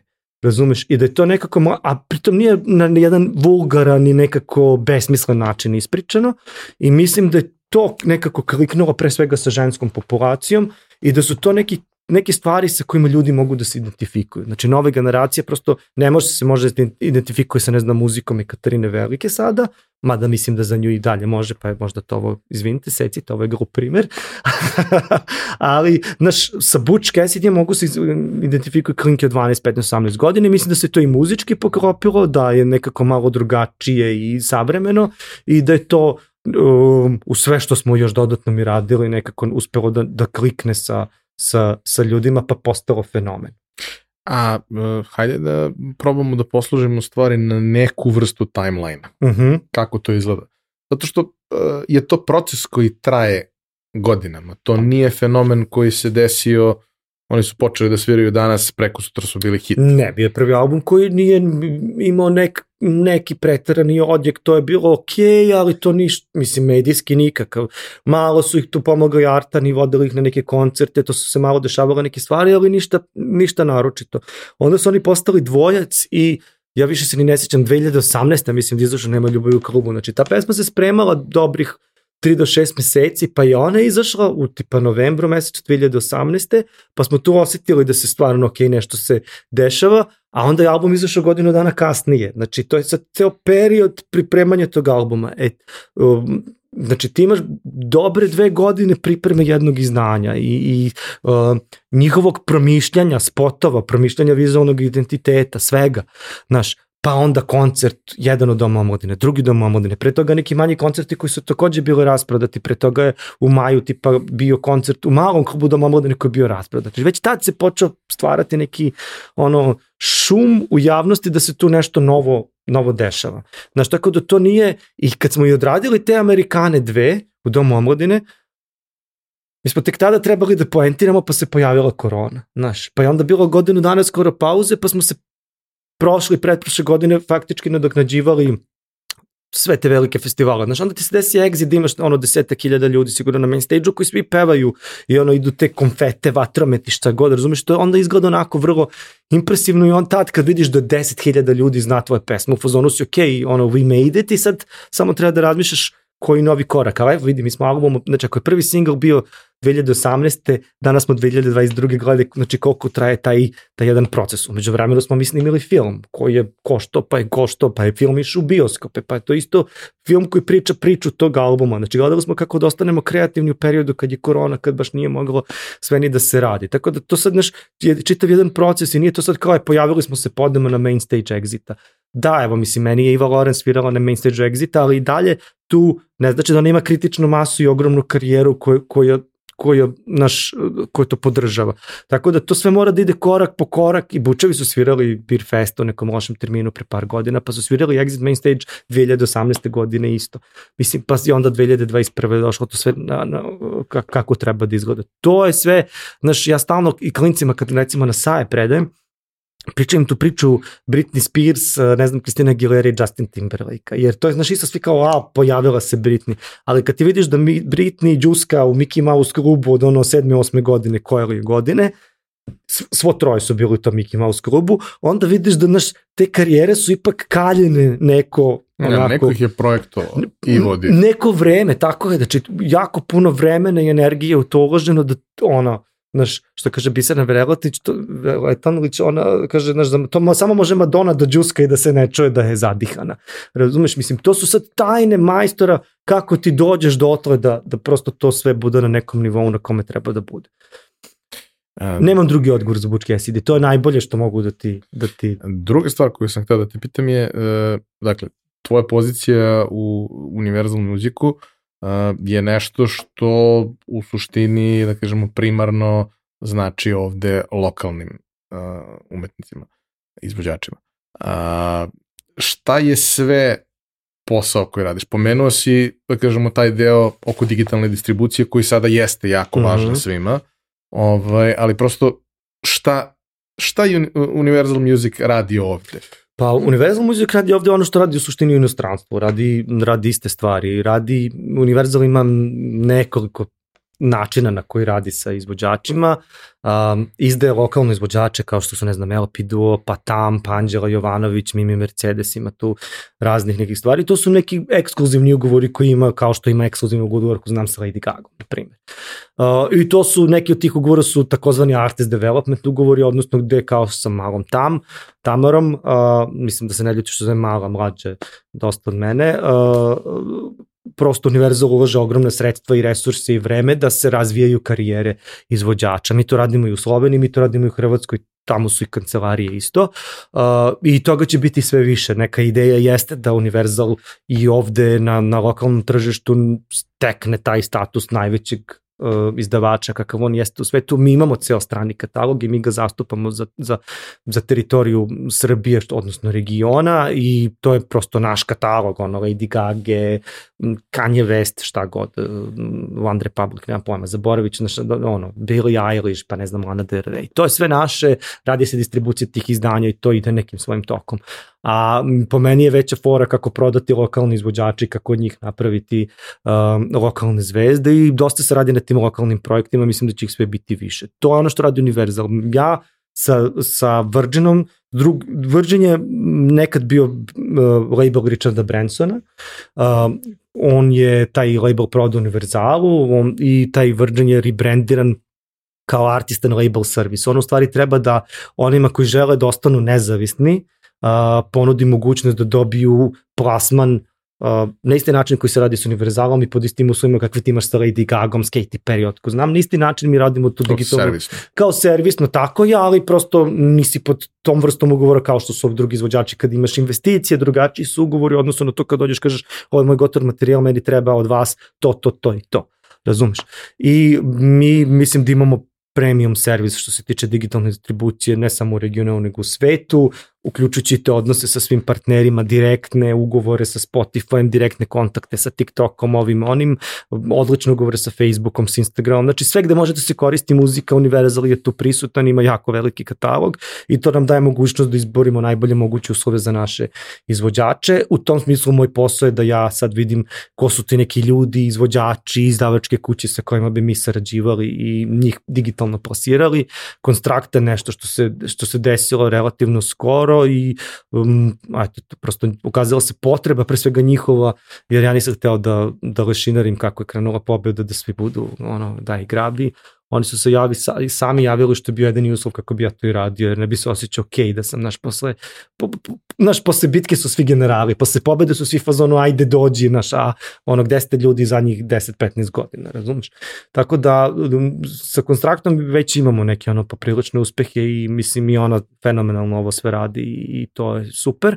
I kažem ti s druge strane, taj moj odnos sa, sa organizacijama po regionu, što zahteva razne neke ono e, poslove i stvari koje ja radim i to je isto nešto što mene loži, znaš, taj, taj, taj deo menjanja sistema me u stvari loži po, pokušaj da napravimo da sistem bude što više fair, da bude transparentan, jer sad nije dovoljno transparentan, i da bude na usluzi tim ljudima, mislim da bude pre svega na usluzi autorima, pa onda na usluzi izdavačima, interpretatorima i da nekako zavrtimo taj krug, da ga razbijemo i da ga zavrtimo ponovo uh, u smislu da konačno od muzike ponovo počne da se živi. Znaš, I sad već mogu, postoji dobar deo izvođača uh, koji, naravno što se popularni, koji mogu da žive od uh, uh, digitalne distribucije, tu se već vrte pare i od YouTube-a i od Spotify i od Deezer i od svih servisa koji postoje.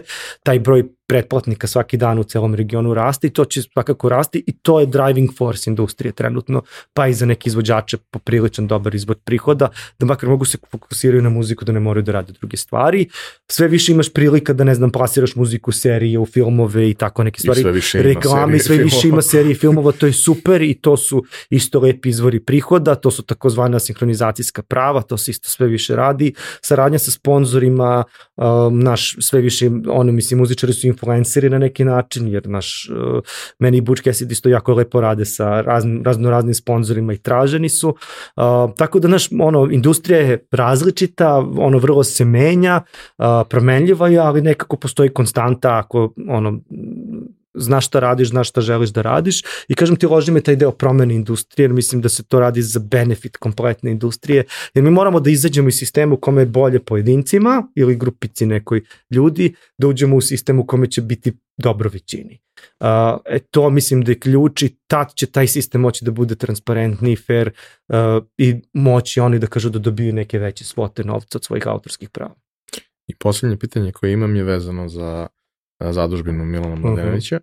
Uh -huh. ovaj, prošle godine je, da kažemo, krenula neka malo šira priča o svemu tome. Bili ste i kod Galeba, posle toga je bila i reakcija na vaš ovaj, poravak kod Galeba. Ali e, da ne bi sada ljudi gledali i slušali podcast od dva sata, Uh, da šta je esenciju. ideja, šta je ideja zadužbine, šta su neke aktivnosti i planovi i gde ljudi koji sebe vide u toj priči, a mogu da pomognu i da prinesu, mogu da daju svoj doprinos. Evo, sad ću reći konkretno. Znači, zadužbinu uh, je u svom testamentu ostavila Milanova mama. Uh, Milan, nažalost, nije imao naslednika, majka je posle smrti oca bila jedini naslednik, a posle njene smrti naslednik je njena sestra Mira Curić koji živi u Makarskoj u Hrvatskoj.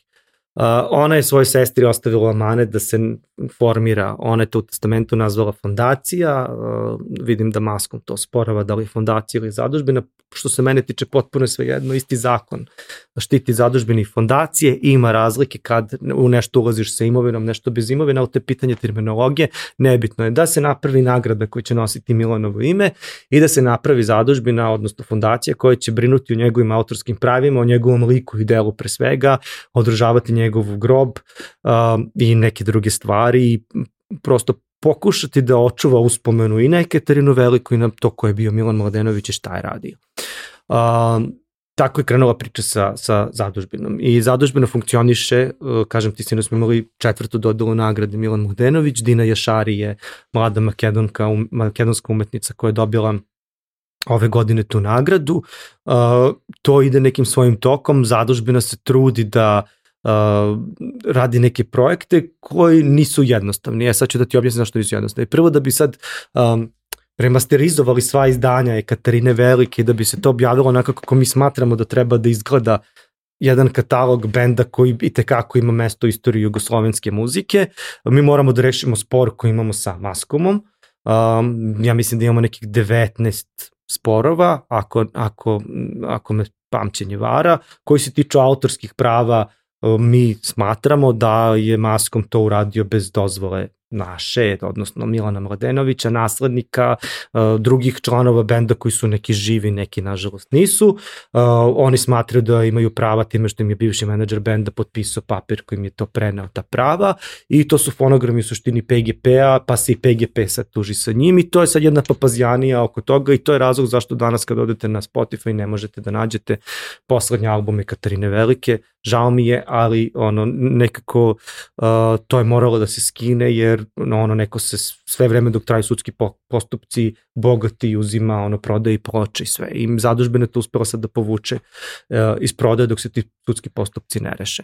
To nije suština i esencija zadužbine, zadužbina želi da radi mnoge druge stvari, zadužbina će sada uh, 7. oktobra objaviti Unplugged album iz Skoplja, koji je jedan jedini koncert gde ceo band svirao Unplugged, to smo našli taj snimak, on je remasterizovan, Čima koji je svirao u bendu Bas i koji je svirao na tom koncertu i radio remaster tog izdanja, to sad izlazi. Uh, zadužbina ima ideju da napravi spomen sobu u biblioteci, Narodnoj biblioteci Srbije, Uh, za to nam nedostaju sredstva, ono nekako sa sponzorima ide to jako, jako teško i ljudi mogu da pomognu koliko eto neko ljudi, kompanija koji ovo sluša sada želi da podrži donacijom da se ta spomen soba reši.